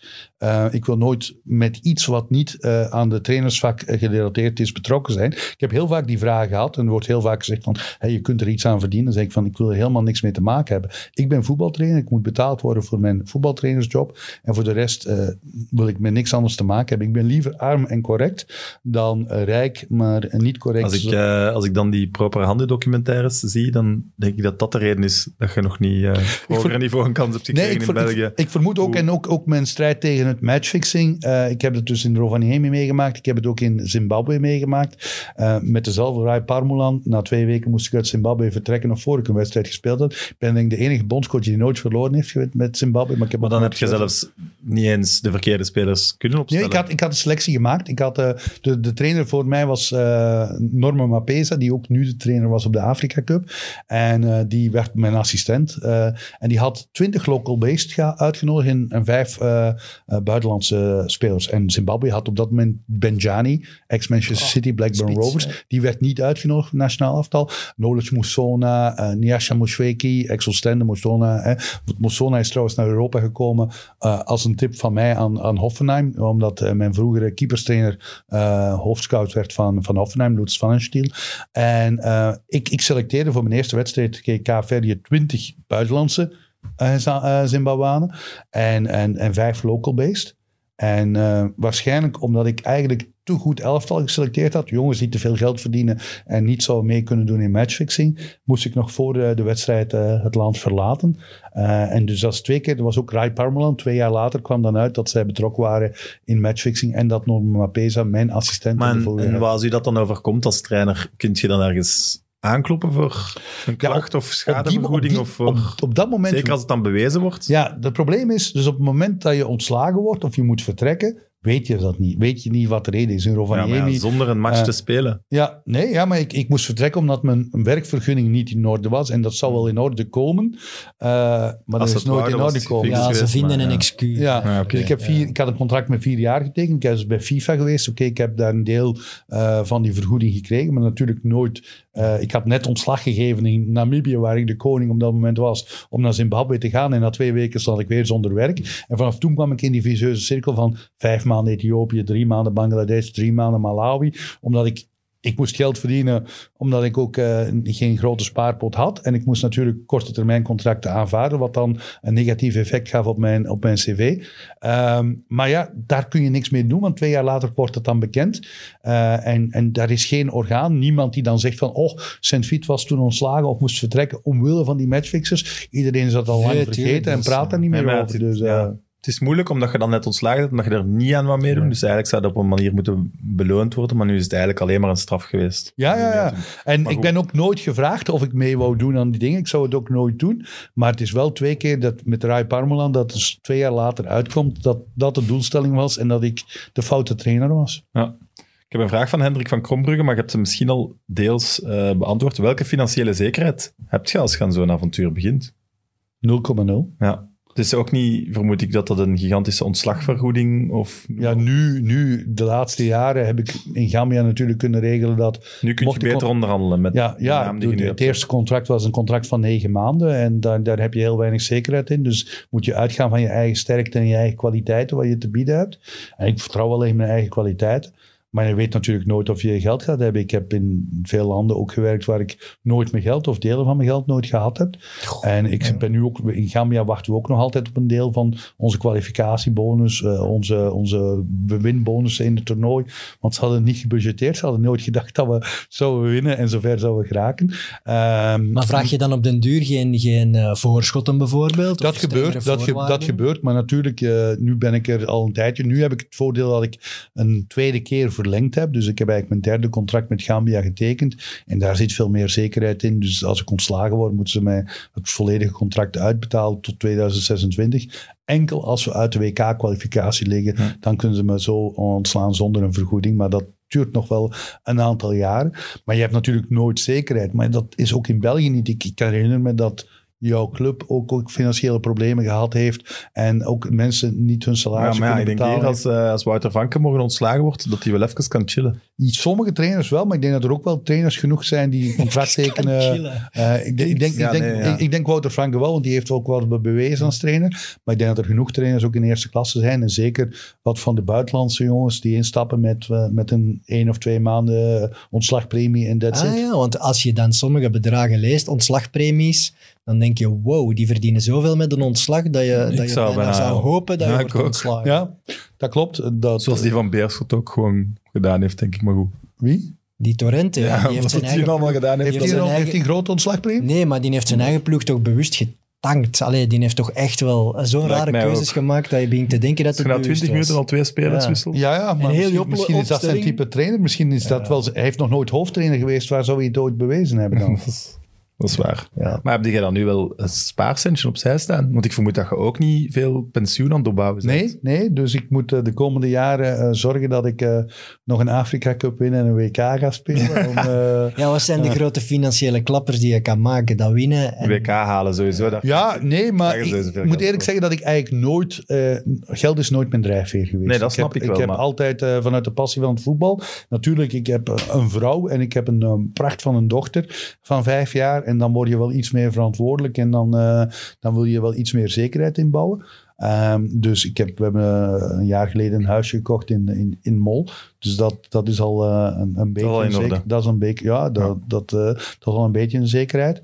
En geleidelijk aan, hopelijk de komende jaren, dat we financieel toch wat meevallers hebben. En dat we dan hopelijk eh, ja, ook nog wat ja, aan pensioensparen kunnen doen. Want voorlopig eh, ehm, ja, moet ik nog tot mijn eh, 89 of zo verder coachen. Eh, maar, Ja, de- was het niet Bij Nigeria of zo? Die heeft het toch ook heel lang gedaan, hè? Ja, maar die, die, die, die hebben zelfs nog mee in contact. Maar nee, dat was Rudy Gudendorf. Die was, eh, dat is trouwens de man die de meeste nationale ploegen getraind heeft, 17. En die was... eh die was Hoeveel sta jij in die ranking? ik sta, ehm, ik sta eigenlijk eh, vierde of derde, afhankelijk hoe je het bekijkt. Dus Rudy Gude- Gudendorf heeft er 17, eh, Otto Pfister 12. En dan heb je Claude Roy, die heeft er 11, maar negen verschillende landen. Ah, en ik heb er 10. Eh, met tien verschillende landen. Dus eh, ik sta vierde op die rank- ranking. Maar voor mij Dick had- sta je derde. Maar eh, Ik vind verschillende ja, telt. Dick, Dick En in de Belgische al- ranking staat Ja. je eerst. in de Belgische ranking sta ik eerst. En nog iets leuks van de Belgische ranking. Ehm, ja, ik ben trouwens ik was de eerste Belgische bondscoach ook in Azië. Eh, nog voordat eh Paul Put Jordanië of Porkelmans Jordanië trainde. Ik was de eerste Belgische bondscoach in de, in de Caraïben. Eh, de tweede jammer genoeg in Europa. Want George Heiles heeft ooit een aantal maanden Luxemburg getraind in de jaren tachtig. je hebt Trinidad gedaan. Trinidad en Tobago. Maar ik ben de langstzittende Belgische bondscoach in een buitenlands land eh, ooit. Dus de Wilmotsen, de Wassaiges, de Lekense, eh, de Erik Gerrits die in Marokko getraind heeft en dergelijke. Dus ik ben de langstzittende, eh, dus bij één land, bij Gambia, ben ik nu de langstzittende bondscoach. Die. Wikipedia moet dringend aangepast worden. Ja, vind ik ook. En. Jarno Berto moet dat even checken, de tweetje. Maar ik denk wel dat klopt. Ik kan mij niet... Nee, ik, moet- ik heb het allemaal al gecheckt. Ik, ben, eh, ik heb veel vrije tijd, dus ik kan... ik, eh, Nee, maar als ik, wat ik me nu zo afvraag, is dat allemaal hoor en ik heb uw cv doorgenomen en nu ga ik nog dat boek ook lezen. Als wij met u meelopen, is dat dan Netflix? Is dat, is, is dat, gebeurt daar zoveel in uw avontuurlijk leven dat dat echt wel... Wat Ik bedoelt je dat, dat- of hij daar een icoon is? Of... Nee, dat Nee, er, wat er allemaal dat gebeurt allemaal gebeurt. rondom Ah, ja, u. oké. ik, ik, ik, denk- ik Die avonturen, die reizen, die landen, die mensen. die- Ja, ik, ik denk nu met de Afrika Cup had het geweldig geweest. Er was een paar crews wou, wou ons filmen, BBC wat interesse. Er is een crew die ons gefilmd heeft de, de week van de kwalificatie. Eh, dat was eigenlijk al Netflix geweest. Misschien ook nog leuk om te vertellen. We spelen op donderdag in, in maart tegen Angola. Winnen we die wedstrijd, kwalificeert Gambia zich voor het allereerst voor de Afrika Cup. Ehm, en de meeste jongens zitten in Europa. Dus wat doen we? We brengen alle spelers naar België op maandag, de eerste dag van de FIFA-break. Ehm, eh, de regering zorgt voor een privévliegtuig, een chartervliegtuig, om direct naar Gambia te vliegen. En met het chartervliegtuig vliegen we dan later naar Congo voor de tweede wedstrijd. En wij staan allemaal met twintig spelers, eh, twee Belgische fysio's en mij en ik eh, staan, en, staan we in, in Brussel in Zaventem. En we kijken en we vragen rond en we bellen en was geen vliegtuig geregeld. Maandag, dus donderdag de meest belangrijke kwalificatiewedstrijd. Maandag je geen staat in. Brussel. En we staan in Brussel. Dat is nog ver van Congo. Ja, ja, we moesten in Gambia zijn. Eh, zes uur Het is vliegen. Maarten trainer. Eh, ja, nee, en dus... 20 spelers. Din, en, ja, ja, nee, twintig spelers. Omar Colli, Moussa Barrow, al die jongens van Italië, Serie A. En daar die een jongens. ticketje moeten kopen bij Brussels Nee, Airlines. nee, want dat zat vol. Ehm, dus ze zeggen we aan dinsdag gaan we zorgen dat we vliegen rond de middag. En wij, smiddag, wij, het was covid-tijd, dus wij in het hotel in de Sheraton, net Ah, tegenover, ja. waar je eigenlijk allemaal altijd voorbij wandelt. Nu heb ik daar ook eh, eens in een kamer gezeten. Eh, en eh, wij zeggen, ja, we moeten iets doen, want ja, we hebben maandag niet getraind. Dinsdag is twee dagen voor de wedstrijd, twee dagen na de wedstrijd. We moeten iets doen. Dus onze fysio's zeggen, ja, we, we willen eigenlijk een meetingroom hebben en willen wat stretching en zo doen. Dat mocht niet, want in België mocht niet in een in, bin, indoor sport gedaan Ah, worden ja. van COVID. Op de tarmac Het was, het was, drie, vier, het was vier graden Tussen die lijntjes en die Op de- dingen. tussen de- op de parking. Op de parking van Zaventem Oh, nee, hebben wij tussen de auto's, Dat in jeans, want we hadden geen kledij. De kledij was in Gambia. In ons jeans, ik heb er foto's en video's van.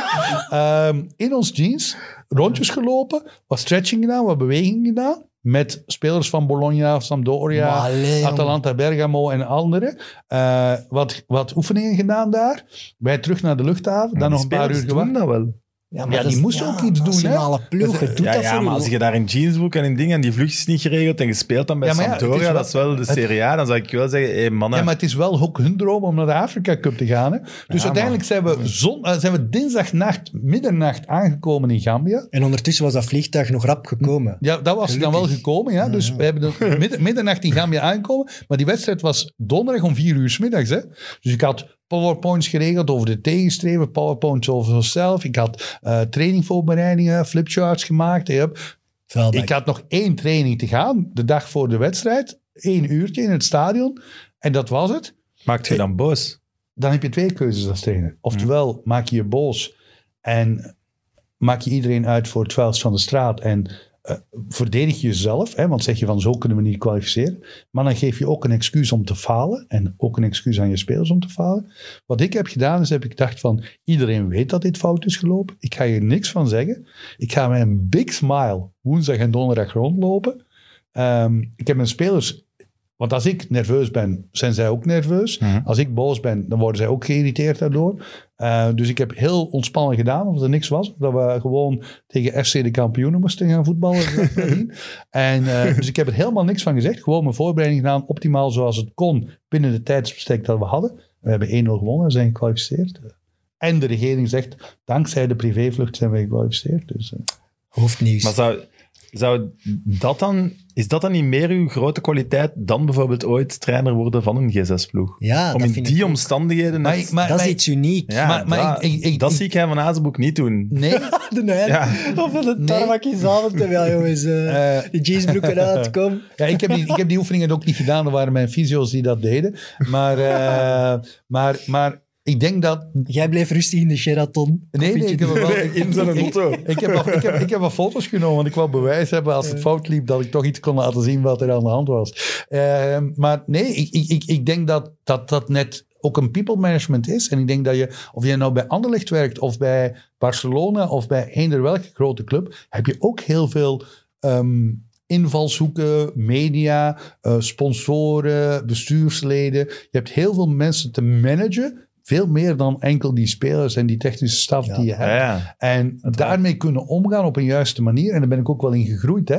Ik ben, ik, ik ben, ik ben, ik ben eh, bekend als een strict disciplinarian in heel veel landen. Omdat ik echt wel van organisatie hou. Maar ik, ik kan ook wel... eh, ik, ik heb geleerd om me druk te maken om de dingen waar ik controle van Ja, over ja. kan hebben. En niet waar ik geen controle van over kan hebben. Want, want ah, ik kan me constant druk maken van over alles. Maar als ik het toch niet kan veranderen, Nee, nee, snap heeft het ik. op dat moment weinig zin. Zo'n zo'n privévliegtuig van de regering van Gambia, is dat, is dat chic? We hebben, wij zijn, eh, we zijn, we hebben een paar keer al, want ook nu met de Afrika Cup, dan is het heel vaak een, een Poolse of een Bulgaarse maatschappij, een Boeing 737 of een Airbus eh, met 160 plaatsen waar eh, waar je met 20, 30 man in zit. Dus dat heeft geen extra luxe. Maar na de kwalificatie wouden ze dat vliegtuig niet meer hebben. Toen zijn we naar Congo gevlogen eh, met een Boeing eh 737, geloof ik. eh, die ook gebruikt wordt door Real Madrid, Manchester City, Barcelona. Met enkel business class seats. Oh, Dus het hele vliegtuig alleen business class seats voor iedereen. Minister van Sport vliegt ook mee, dus het zal misschien ook daar wel mee te maken Ah. gehad hebben. En toen hebben we dus wel in een, in een chic vliegtuig eh, naar Congo en terug mogen vliegen. Het is niet dat zo'n zo'n vliegtuig van zo'n president van Gambia, dat dat... Ik heb ooit in het vliegtuig van de, zo. ik heb het vliegtuig van eh, president van, van Togo gezeten. Eh, dat was geregeld door Adebayor. Eh, we moesten naar... We moesten naar, naar, naar Oeganda. En zo, we gingen met het privévliegtuig, maar dat was een heel oud vliegtuig. En we moesten tussenlanding maken in Cameroen, in Yaoundé, om benzine te nemen en dan naar Oeganda. Geen probleem. We vliegen terug, we landen terug in Yaoundé. We stappen uit. En we zijn drie uur later, staan we daar nog. Wat bleek nu? Niemand had nog geld om de benzine te betalen in Yaoundé. En toen hebben ze aan spelers gevraagd of dat die geld wouden geven Maar, om ja. vliegtuig. En hebben een aantal spelers hun geld, hun bonussen boven gehaald. Ja, Adebayor kon dat toch leggen dan? Ja, nee, maar ja, je moet het ook nog willen, want je Ja. weet niet of je geld terugkrijgt. Eh, en dus hebben de spelers geld bijgelegd om een benzine te betalen om terug naar eh eh, eh, Togo te kunnen vliegen. Maar zo'n een Adebayor, die krijg je toch niet overtuigd om tussen auto's op een parking in Zaventem een beetje oefeningen te doen? Ja? Daar sta je van versteld. Ja? Eh, ik heb mij Adebayor... echt van verschieten dan. Ik heb, ik heb ik- misschien het verhaal van Adebayor is, is wel eh, leuk. Ehm, ik was trainer van Togo. Mijn allereerste kwalificatiewedstrijd was tegen Liberia. En we zouden eh, een, een, zes dagen daarvoor een oefenmatch spelen tegen Ghana. En we hadden twee weken voorbereiding. Dat was in juni. En ik selecteerde mijn groep. En ik had jongens als Dossevi, later Standaard, maar toen Olympiakos. Eh, Floyd Taïté van Fulham. eh, Serge Gakpe, ook nog bij Standaard gespeeld, maar toen bij FC Genua. Ehm, eh, Alexis Romao van Olympique Marseille, verdedigende middenvelder. Later ook nog bij Olympiakos gespeeld. Dus ik had wel goede voetballers. En Adebayor. En zondagavond, iedereen komt in het hotel. Iedereen, behalve één. eh, geen Adebayor. Maandag ik train. Er zitten altijd zo'n 5000 mensen naar de training te kijken. En eh 30 journalisten. Geen Adebayor. Niet in het hotel, niet op en trainingveld. niemand denkt eraan om die eens te bellen. Dat zullen ze wel gedaan hebben, maar ja... eh, Die staat daar boven. Die de- geen ja, uitleg. boven ja de nee, die, die, die, die verdiende 8 miljoen bij Tottenham. En die heeft een eh, diplomatiek paspoort eh, van de president. Dus die staat boven iedereen. Dinsdag, geen Adebayor. Woensdag, we spelen 11 tegen 10, want ik miste een speler. Ehm, ik miste een speler op training. En er zit 5000 man staan, 30 eh, journalisten. En we zijn 40 minuten bezig. En één keer hoor ik het geluid van een motorfiets in het stadion op de piste komen. En er was een motorfiets met twee wielen vooraan en één achteraan. En er lag iemand op in een zwart leren pak met zo'n Duitse legerhelm op. Ehm, en het publiek begint al te juichen. En die staat op, een grote man. En we trainen elke dag in andere outfit. Een, groen shirtje, rode broek, gele sokken. Of een geel shirtje, groene broek. En, en die man die doet zijn leren pak aan en die heeft exact dezelfde kleren aan als wij die dag aan hebben voor training. Ik sta aan de overkant en ehm, die loopt het veld over terwijl dat de wedstrijdje bezig is. En die komt naar mij en die steekt zijn hand uit. Eh goeiedag trainer, zegt hij. Ik ben Shea Emmanuel Adebayor. Ik zeg, ja, dat weet ik. Hij zegt tegen mij van, mag ik meetrainen? En normaal, als ik iets jonger had geweest, had ik gezegd van, nee, ga maar rustig terug naar huis. Maar ik dacht, hier sta, zit 5000 mensen in het stadion en heel wat journalisten. Ik zeg van, maak je warming-up met de physical coach. Speel met die elftal met 10, die hebben nog eentje nodig. Maar na de training, kom even naar het hotel, dan kunnen we praten. Is goed, zegt hij. Hup, die doet mee, geweldig op training, topspeler. Eh, na de training, wij gaan terug naar het, naar het hotel, douchen, eten. Geen Adebayor. Donderdag, training, hotel, geen Adebayor. Vrijdag, Dus jullie gesprek is niet doorgegaan. nee, vrijdag spelen we weer 11 tegen 11. Wie komt er een minuut te laat in het stadion? Adebayor. Dus er was ook iemand blijkbaar van de staf of zo die belde van we gaan een wedstrijdje spelen. Up, want hij kwam enkel als we een wedstrijdje speelden. En hij komt naar mij en zegt van... Eh, legend. eh, en eh, hij komt naar mij en zegt, trainer, ik ben klaar voor de wedstrijd van maandag tegen Ghana. En toen was Avram Grant, bondscoach van Ghana, ex-Chelsea. En, die de Champions League wint. Nee. nee, ik denk niet gewonnen heeft. Nee, ik denk dat dat de Italiaan was die hem gewonnen heeft. Maar nu, Finale, Verloren ja, dan. was Hij het. verliest Ja, hij en, eh en zegt tegen mij, ik ben klaar eh, voor de wedstrijd van maandag. Ik zeg, ik denk het niet. Wat trainer, ik ben Adebayor, ik ben de kapitein van het. Ik zeg, ja, je had in het hotel moeten zijn. Ik heb jou gevraagd. Ik bedoel, mijn spelers die mogen geen vrouwelijk bezoek hebben, mogen geen alcohol drinken, mogen niet uitgaan.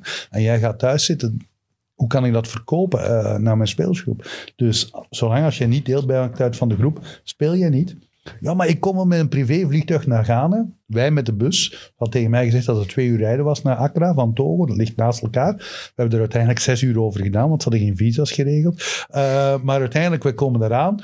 En um, we spelen tegen Ghana. We zitten in de kleedkamer en wordt op de deur gebonkt. En mijn mediaofficer sluit direct de sleutel om. En uh, was Ali Bayor, die de kleedkamer wou binnenkomen. Die is dan bij Ghana in de kleedkamer gaan zitten, bij Samoa Gyan. Oh? Uh, praat. Ja, die is in de kleedkamer bij de tegensteller gaan zitten. Op de wedstrijd heeft hij op de tribune gevolgd. En uh, de dag nadien komen we terug samen voor de start van de, de wedstrijd Liberia voor te bereiden in Togo, in trainingkamp. En hij had dus C4 bij. En wie is de, e en, en wie is de eerste in het hotel?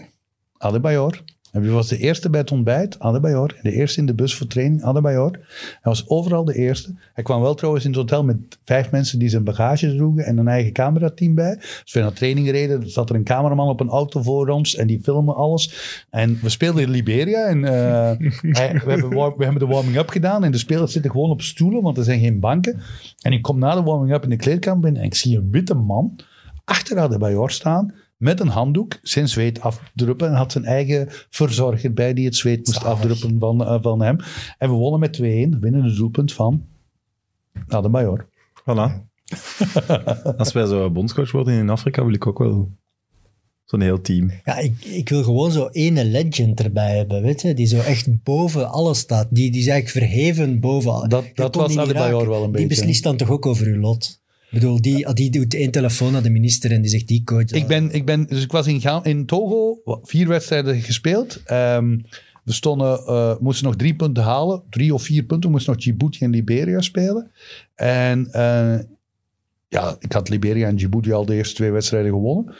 En eh, ik krijg in begin april een telefoontje minister van Sport. Die zegt van, kun je eens naar mijn kantoor komen? Toffe kerel, Guy, Lorenzo de naam.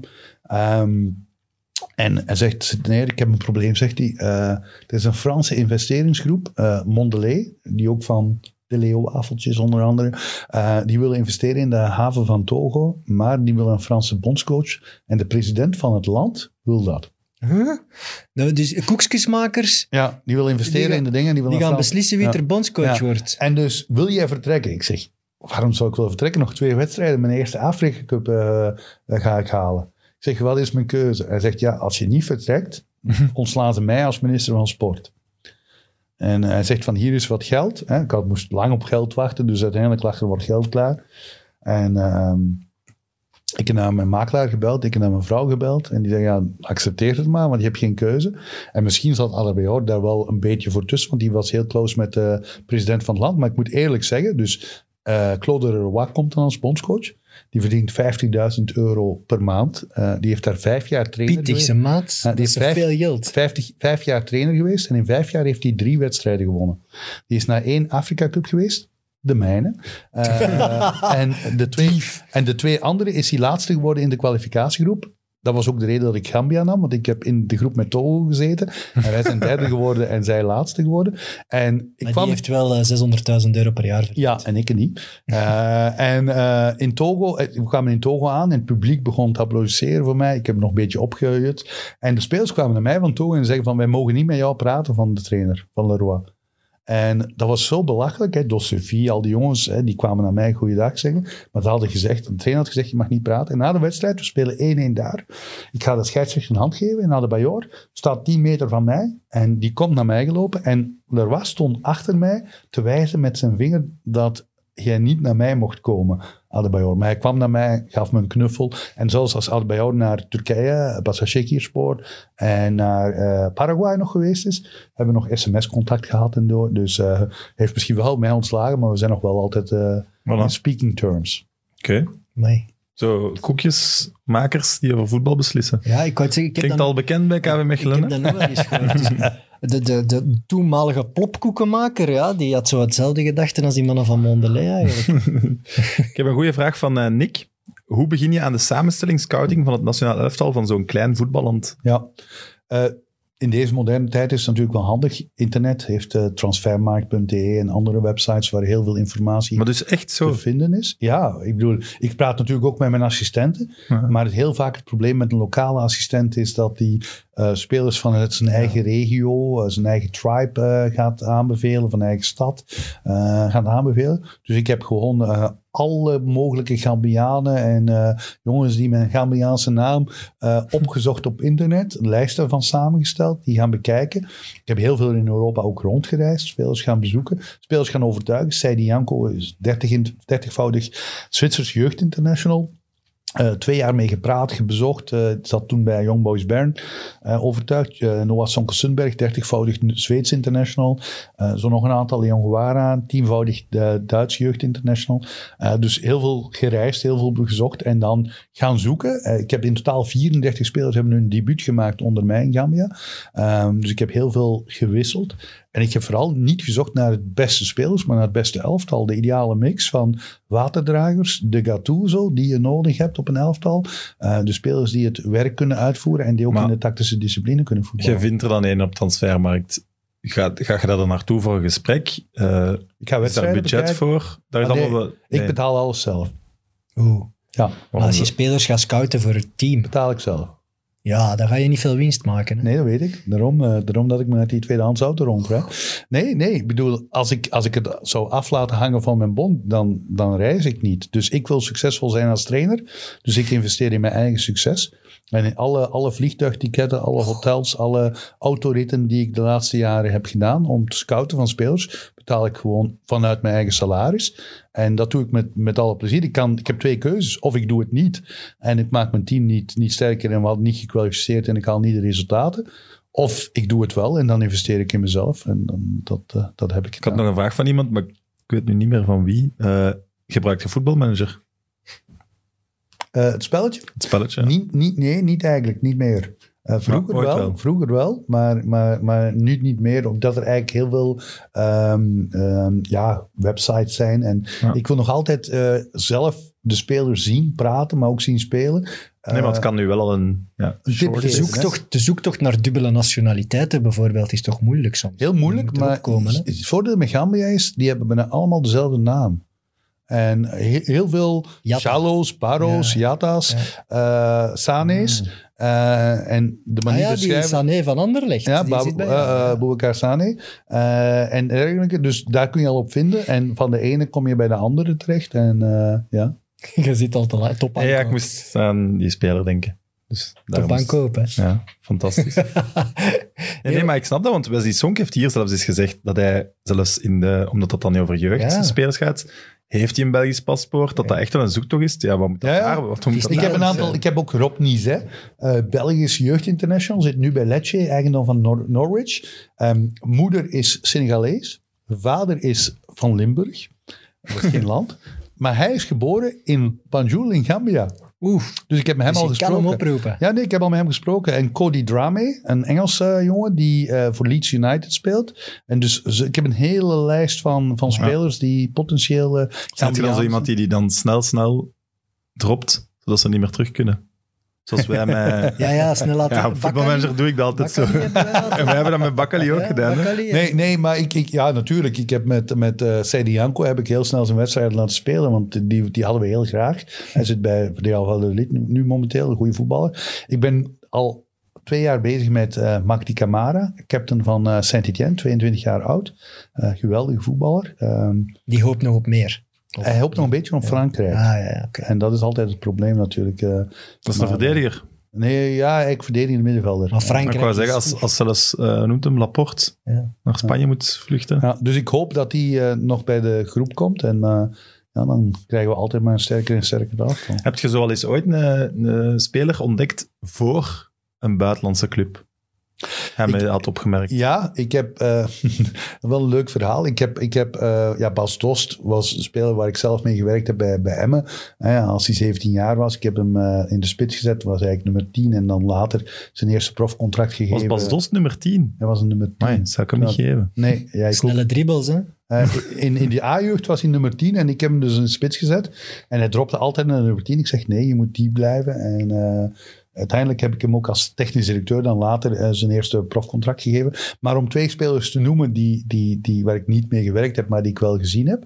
Het zijn geen Afrikaanse, het zijn Scandinaviërs. Ik zat in Finland en ik eh, keek eh, Zweeds voetbal en ik zag daar Ola Toivonen bij Malmö spelen. En ik kende Herman van Holsbeek, nu wel meer berucht dan beroemd. Maar ik kende die van de tijd van uh, Lierse, omdat ik stage gelopen had bij Walter Meus in Lier. En daar was Herman toen. Waar hij de ik- club ook fantastisch heeft achtergelaten. Ja. Elke, eh, elke club toch waar hij zat? En ik heb, ik heb toen Herman van Holsbeek gebeld en ik zeg van, ik zie hier een goede spits, eh Ola Toivonen. Hij zegt, ja, we hebben geen interesse in. Later heb ik, eh, omdat ik bij Emmen technisch directeur geweest was, had ik eh, wat Deense jongens gehaald, zo Morten Fries Jensen, Thomas Vilatsen. En ik ging nog eens naar Denemarken, naar eh Fredericia AB Kopenhagen in de tweede afdeling in Denemarken kijken. Gewoon voor de lol. En, eh, en, het was er toch. ja. Dus Nee, maar dat kijken. doe ik regelmatig. Gewoon de auto inspringen Ah, ja. en eh, een paar honderd kilometer rijden voor een wedstrijdje. En ik zat in het Die stadion. Corsa heeft al veel kilometers gehad. hè. Ja, ook. Maar ik heb ook wel vrienden met een betere auto. Dus, eh. Eh, maar eh, ik, ik, ik, ehm, ik, eh, ik zag daar een jong talent, een, een jonge speler. Dus ik vroeg aan iemand van Fredericia die ik ken van wie is die speler van AK AB Kopenhagen. En zei ja, Nicolai Jorgensen, 18-jarige jeugdinternational van Denemarken, speelde in tweede klasse van Denemarken bij AB Kopenhagen. Ik, nog altijd uit goede wil, gebeld naar Herman van Holsbeek. En die zei mij van, eh, Tom, eh, als onze scouts hem niet kennen, dan zal hij wel niet goed genoeg zijn. Hij werd dan een paar maanden later verkocht aan Bayer Leverkusen. En ja, Ik wou net zeggen, want Herman heeft er zoveel gekocht op aanraden van zijn scouts. Hè. ja ik weet het niet, maar, eh, Nee, maar in ieder geval... nul, denk ik. Maar goed. Maar, maar ik, ik zag die speler en ik dacht van, die is goed voor Anderlecht. Heeft dan bij Feyenoord jaren gespeeld en Ja. ook Deense nationale ploeg. En als Ja, jij 18-jarig... 18-jarig product vond ik dat een heel interessante speler voor, voor Anderlecht. En ik, za- ik zat daar toch gewoon eh, te kijken. Dus, eh, Je hebt een kennis van een voetbalmarkt die, die, die waarschijnlijk nog een enorm potentieel heeft voor net het Belgische niveau. Omdat jij komt in competities en met spelers in aanraking waar een, een scoutingcel zelfs van tegenwoordig al van een eerste klasploeg niet mee in aanraking komt. Dus ik denk wel dat daar, daar zit Ja. nog wel een gat. Nee, en, en ik denk dat ik ook wel een, een bepaalde visie heb op Ja. voetbal en, en een kijk heb op voetbal, Ja, dat, dat ik wel sowieso, kan wel analyseren. duidelijk, dus eh, Ja, als je je hoort vertellen, is het, ja, je bent enorm begeesterd wel. Hè? Het is wel echt dag en nacht. Dat voel ik wel. nee, maar ja, ik denk dat, dat, en dat probeer ik ook mijn spelers te zeggen, van voetbal is onze hobby. Eh wij hebben allemaal tegen een balletje getrapt. voor die we, spelers wel, maar voor u niet. Hè? nee, maar we hebben allemaal begonnen als een hobby, dat bedoel ik. Ja, En dat we nu ons beroep van moeten maken, dan moet je het nog met evenveel passie doen en met evenveel plezier. We hadden ook 's morgens vroeg in een, in een trein kunnen stappen om een, een job te gaan doen, ergens in een fabriek of in een kantoor, ook leuk. Maar wij mogen op een voetbalveld staan en onze hobby doen. Dus doe dat met passie, doe dat met beleving en met plezier. En, Heb je eigenlijk ooit Glenn Verbouwheden gehad? ja, Ja. ik heb zijn aflevering hier ook gezien. Ik heb hem bij, ik heb hem bij Free State Stars, Stars gehaald. Voltreffer? Eh, in vele opzichten wel, maar niet in alle. Nee, maar ik, eh, ik heb met hem maar heel kort gewerkt, want ik ben daar ontslagen na een dispuut met de technisch directeur na tien wedstrijden. Ik heb, Glenn heeft denk ik maar twee wedstrijden bij mij gespeeld, want eh, hij was ook eh, snel geblesseerd. Ja, het is toch daar. Het is, Ja, het is, ja, ja. Daar, het is daar het verhaal dat hij naar, naar maar- een wonderdokter moest rijden. Ja, en dan bloed drinken en dergelijke. Was ik zelf niet bij. Ik heb wel die discussie met die, met die technisch directeur gehad. Was de, al- de, de vader was eh, de, de voorzitter. De Eén zoon was algemeen directeur, de andere technisch directeur. En ze hadden een, een, een multiman, een voodoo-man. En die werd fulltime betaald door de club. En ehm, die club, Free State Stars, ontslaat elk jaar vier tot vijf trainers. Elk jaar. Dus ik wist dat ook als ik daarin stapte, dat dat eigenlijk... eh, Het beerschot van Zuid-Afrika. ja, misschien Nog wel. erger. En ehm, ik zit in, op een tafel met, met, met bestuursleden en ik zeg, ja, jullie ontslaan elk jaar vier, vijf trainers. Maar als jullie dan toch zoveel geloven in die, die Moetie-man, waarom ontsla je die dan niet? Want, Of maak je die trainer? nee, nee, maar waarom ontsla je die niet? Als je dan Geen toch verliest, als je niet wint en je gelooft dat het helpt, waarom ontsla je hem dan niet als het niet helpt? En dat vonden ze niet zo leuk, die Nee. commentaar. maar die, die dat is man... een die- cultuur, hè? dat is een die, die, geloof reis, ook. die, hè. die man reisde met ons mee. Ja. Die zat in ons hotel en die ging de avond voor de wedstrijd naar het stadion en wat poeiertjes gooien en weet ik wat allemaal. En we speelden Orlando Pirates, een van de topclubs in Zuid-Afrika. En die brachten hun multiman in ons hotel om zijn magie uit te strooien. En het heeft geholpen, want we hebben 1-0 verloren. Dus, eh, eh, maar eh, ja, ik bedoel, Ja, de- dat, eh, maar ik heb zelf zo niks meegemaakt. Nee, ik ben wel ooit in- als bondscoach in Malawi. eh, ik was aangesteld voor één wedstrijd eh, tegen Nigeria. Malawi, als zij zouden winnen in Nigeria, dan zou Malawi nog een play-off spelen voor naar het WK in Brazilië te gaan. En dan zou Nigeria niet naar het WK gaan. Voor één match aangenomen. Voor één wedstrijd. Ja, Dat is een goede factuur, ja, toch? één wedstrijd. En omdat ik een goede reputatie had met Nigeria, ik had al met Ethiopië, ik was ook al aangesteld als technisch directeur in Nigeria. En ik had al wel wat eh, ja, mirakels tegen grote teams gemaakt. Dus die voorzitter vroeg, wil je dat doen? Ik zeg, geen probleem. En eh, was in Nigeria, was eigenlijk een heel wat hetsen rond. En vlak voordat we moeten vertrekken, zeggen ze, hey, je moet even mee naar eh, de, de profeet gaan. En dus ik mee in een auto, arme buurt, zo'n tent, zaten heel veel mensen te bidden. Ik word in een klein eh, kamertje gebracht, een beetje zoals hier. Eh, ik moet in een, Een Onze obscuur kamertje in Malawi. Dat is onze studio, voilà. maar ik, eh, ik, ik zit in een zetel en ik, ik wacht op die profeet. En tel- telkens komen er mensen binnen en ik sta recht. En ik denk van, dit zal de profeet zijn. Maar het was dus niet, het was altijd iemand anders. Uiteindelijk komt er een jonge kerel in een leren jacket aan, en een leren jasje aan. Adebayor. En dat was, en dat was, dat was de, de profeet. En eh, hij zei tegen mij van, ik denk dat jullie gaan verliezen. Oei. Ja. Wat dan? Je mocht al niet meer mee dan. Nee, nee, nee. En we zijn ook verloren, dus het was wel een heel goede profeet. Het was, eh, het was wel een heel goede profeet, hè? Tegen Nigeria. Tegen Nigeria met Malawi, dus maar een heel goede profeet, want hij wist het vooraf. En we hebben 0-0, eh, we stonden heel lang 0-0 en dan heeft eh, Ahmed Moussa en Emenike eh ons de doodsteek, hebben we 2-0 daar verloren. Maar, eh, De profeet had gelijk. De profeet had gelijk, dus eh, wat kan ik zeggen? Ehm, is Paul Putten een vriend van u? Nee. Kennen jullie elkaar? Eh, we hebben elkaar eh, één of twee keer ontmoet. Ik heb tegen Gambia gespeeld met Namibië in 2010. En twee jaar geleden op trainingkamp, of vorig jaar op, in trainingkamp in Turkije, ehm, hebben we een wedstrijd van zijn Congo-Brazzaville gezien. Denk ik zijn eerste wedstrijd.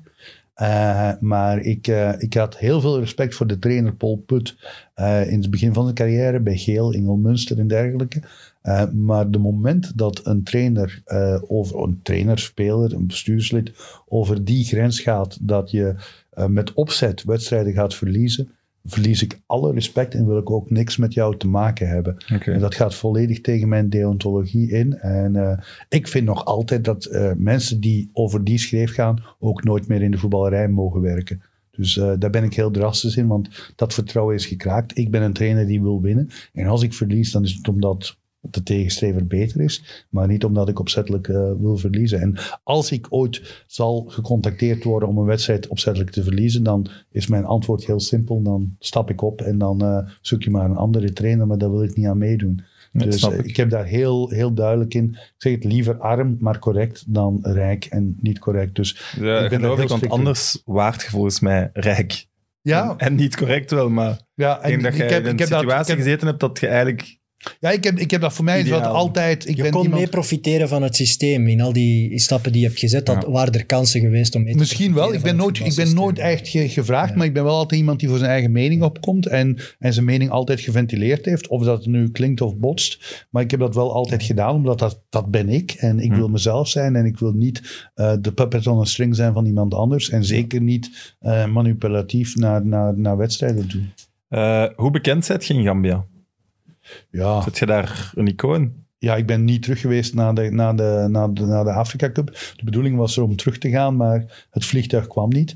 Eh, we hebben drie dagen gewacht. Daar- Al al je verhalen lijkt alsof zo'n vliegtuig een eigen mening heeft. Ja. Zo, zeg mannen. Ja. Ja, drie, drie dagen gewacht. En jongens moesten terug naar hun clubs in Europa. Die clubs waren al boos. En uiteindelijk, toen als ik op het vliegtuig naar Brussel zat, kwam er dan toch een vliegtuig. Maar kon de bagage weer niet mee met de jongens. En eh, er zijn nog altijd spelers die hun bagage niet gehaald hebben. Meer dan een week na eh Ka- Cameroen verlaten te hebben. Dus ik, eh, ik ben ja, op dit moment wel eh, bekend in Gambia. Populair in Gambia. Heel veel mensen eh, zeggen nu dat ik een goede trainer ben. Maar er zijn er ook nog altijd heel veel dat ik, die vinden dat ik eh, veel te defensief ben. Ja. Ja, er zullen ook altijd mensen blijven zijn die denken dat je de Afrika Cup had moeten winnen. Ja, mi- minimum. Dat, minimum. dat is zeer, zeer moeilijk, denk ik. Eh, welke speler van Gambia zou een directe meerwaarde kunnen zijn voor een Belgische eerste klasser? Heel veel. Eh, Oké, Omar Colley heeft het al in Ja. België gedaan. En Maar ik Moussa- bedoel, die zelfs nog Moussa- haalbaar zou zijn. ja, Moussa Barrow is ook al niet haalbaar meer. In, in Maar je de- zegt net aan Jallo, eh, eh, Abdoulaye met de juiste opleiding hoger zou kunnen. Dus die moet eigenlijk op. Nee, Ablaye Jallo zit niet bij de juiste club en ook Ah, ja, niet de voilà. juiste... Die zou in Nederland moeten Een voetballen. andere Belgische ploeg kan daar nog een zaakje doen. Ja, maar ik geloof ook niet dat het Belgisch voetbal een, het voetbal is voor hem. Hè. Nederlands voetbal heeft veel meer ruimte, veel aanvallen erin gesteld. Acties van flankspelers, veel meer ruimte om te voetballen, meer Ah, dribbles. maar ik ga het nu wel En- opvolgen. Hè? en- de en- volgende keer dat hij ja, speelt, ga ik er extra op letten. dat moet je echt doen. Ablaye Jallo is dat is echt er, hè? iemand... Ah, Ja, Ser, hè? Ja. Die gaat alle matchen van Serra Ja, zien. hè. Ja. Maar Ablaye Jallo is echt iemand, zet hem in Nederland en die gaat daar naar de top. Een hele goede is... ja, eh, maar dan moet dat toch in België bij KV Ja, Mechelen ook top, kunnen doorbreken. Tom, dan moet dat toch... Ja, Nee, echt waar. Moet dat toch echt, goed waar. zijn. Die is eigendom van Mes ook, hè. Mes wilde hem niet kwijt, hè. Dus eh, die hebben nog maar pak. Maar ja, hij zit achter eh uh, Mikau Tadze en, eh Maar hij is geen spits, Hij is en- natuurlijk een, een, een, Ja. een, een, een balvaste eh, wel- middenvelder. Maar hij ze- speelt ook altijd bij, bij, bij, Ja. bij, bij eh, Maar, maar twee spelers die ik echt moet noemen is Ibrahima Colli. Zit nu bij Spezia uitgeleend bij Atlanta. Ik weet dat Anderlecht en Club Brugge heel veel interesse in hem hebben getoond. Een geweldige tweede spits, vleugelspeler 10. Eh, een heel goede voetballer, 20 jaar. En een andere, 19, 20 jaar oude eh, centrale verdediger, eh, James Gomez. Basisspeler in een toernooi. Eh, speelt bij Horsens in de tweede afdeling in Denemarken. Horsens. Eh, en een geweldige voetballer. Da- daar kan je toch nog, een Belgische club kan die, die nog wel Die, gaan die, weghalen. die moeten ze gaan halen. Want Die die, moet, die, die, die, die, die, die kan voetballen, die is kopbalsterk. Die heeft zoveel zekerheid in de verdediging. En Eh, belt hij je nu dan van, oh, bondscoach alstublieft, help me? Of, of Nee, kan jij iets doen? Nee, Nee. geen enkele speler. Al die spelers hebben makelaars. En ik wil er ook niks mee te maken hebben, maar zijn wel spelers. Maar jij hebt de rechtstreekse link naar de Belgische subtop. Ja, Dus maar ik, zou ik maar kunnen zeggen, hey, ik, kijk ik heb geen naar. link in België, dus, want niemand in België kent mij. Dus, eh, maar, eh, Ja, en Van Olsbeek kan de telefoon niet opnemen. Nee, daarom. Eh, eh, maar, maar, maar het is zo dat, dat wel heel veel spelers mij raad vragen. Dus er zijn heel veel spelers, zelfs de, de toppers, zelfs de, de grote namen in mijn Maar over team. die centraal verdediger zeg je, stuur straks naar Tom Kaluwe, kijk daar eens naar. Dan doe ik dat, hè. Dat eh, denk je dat dat een meerwaarde is voor Oké. KV Mechelen, die binnen de twee jaar verkocht wordt aan een groter eh, team. We gaan het proberen. Ja, maar, maar, maar Binnen zijn twee jaar heeft hij een gouden tand, hè. Ja, maar, maar ik denk, ja, heel veel spelers vragen wel raad. Van, Ja, hey, tuurlijk, trainer- allee, jij maar, maar, Maar, maar- ra- raad is ook iets anders dan Ja. effectief Ja. iemand gaan Jij verkopen. bent voor hun Bijvoorbeeld, bijvoorbeeld Omar Colley. Die belde mij een paar maanden geleden dat hij een aanbieding had uit Engeland. Brighton Hove Albion. Ah. Eh, hij had een aanbieding uit Torino. En hij kon bijtekenen in, in, in Sampdoria. En hij, zijn droom is om in Engeland te voetballen.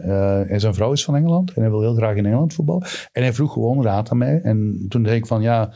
Hij zei dan ook financieel wat hij kon verdienen bij alle clubs. Ik zeg, is het financieel belangrijk voor jou? Of, of, of, of wil je je droom naleven om in, in Engeland te voetballen? En dan, dan hebben we zo'n gesprek. En ik zal mijn mening geven. Maar het is altijd dan natuurlijk aan de speler om, om te kiezen wat hij denkt dat het beste is. Dat maar vind spelers vertrouwen mij. Ja. Dat vind ik wel mooi. Ja. Allee, dat geeft u toch ook wel een eer van, oké, ik doe mijn job toch wel goed. Ja, het feit dat ze zo raad vragen, dat, eh, dat vind ik wel leuk. Maar ze gaan nooit vragen aan mij van, kun je mij helpen Nee. om eh, een club? Want dan weten ze dat ik daar ook niet mee begin. Hoe hoog moeten we het niveau van Gambia inschatten? Ik had een vraag van Nico dan, puur hypothetisch gezien, want dat kan uiteraard niet. Moesten die meedoen in de Belgische competitie als nationale ploeg dan? Ja, dan, dan zijn we zeker top 6.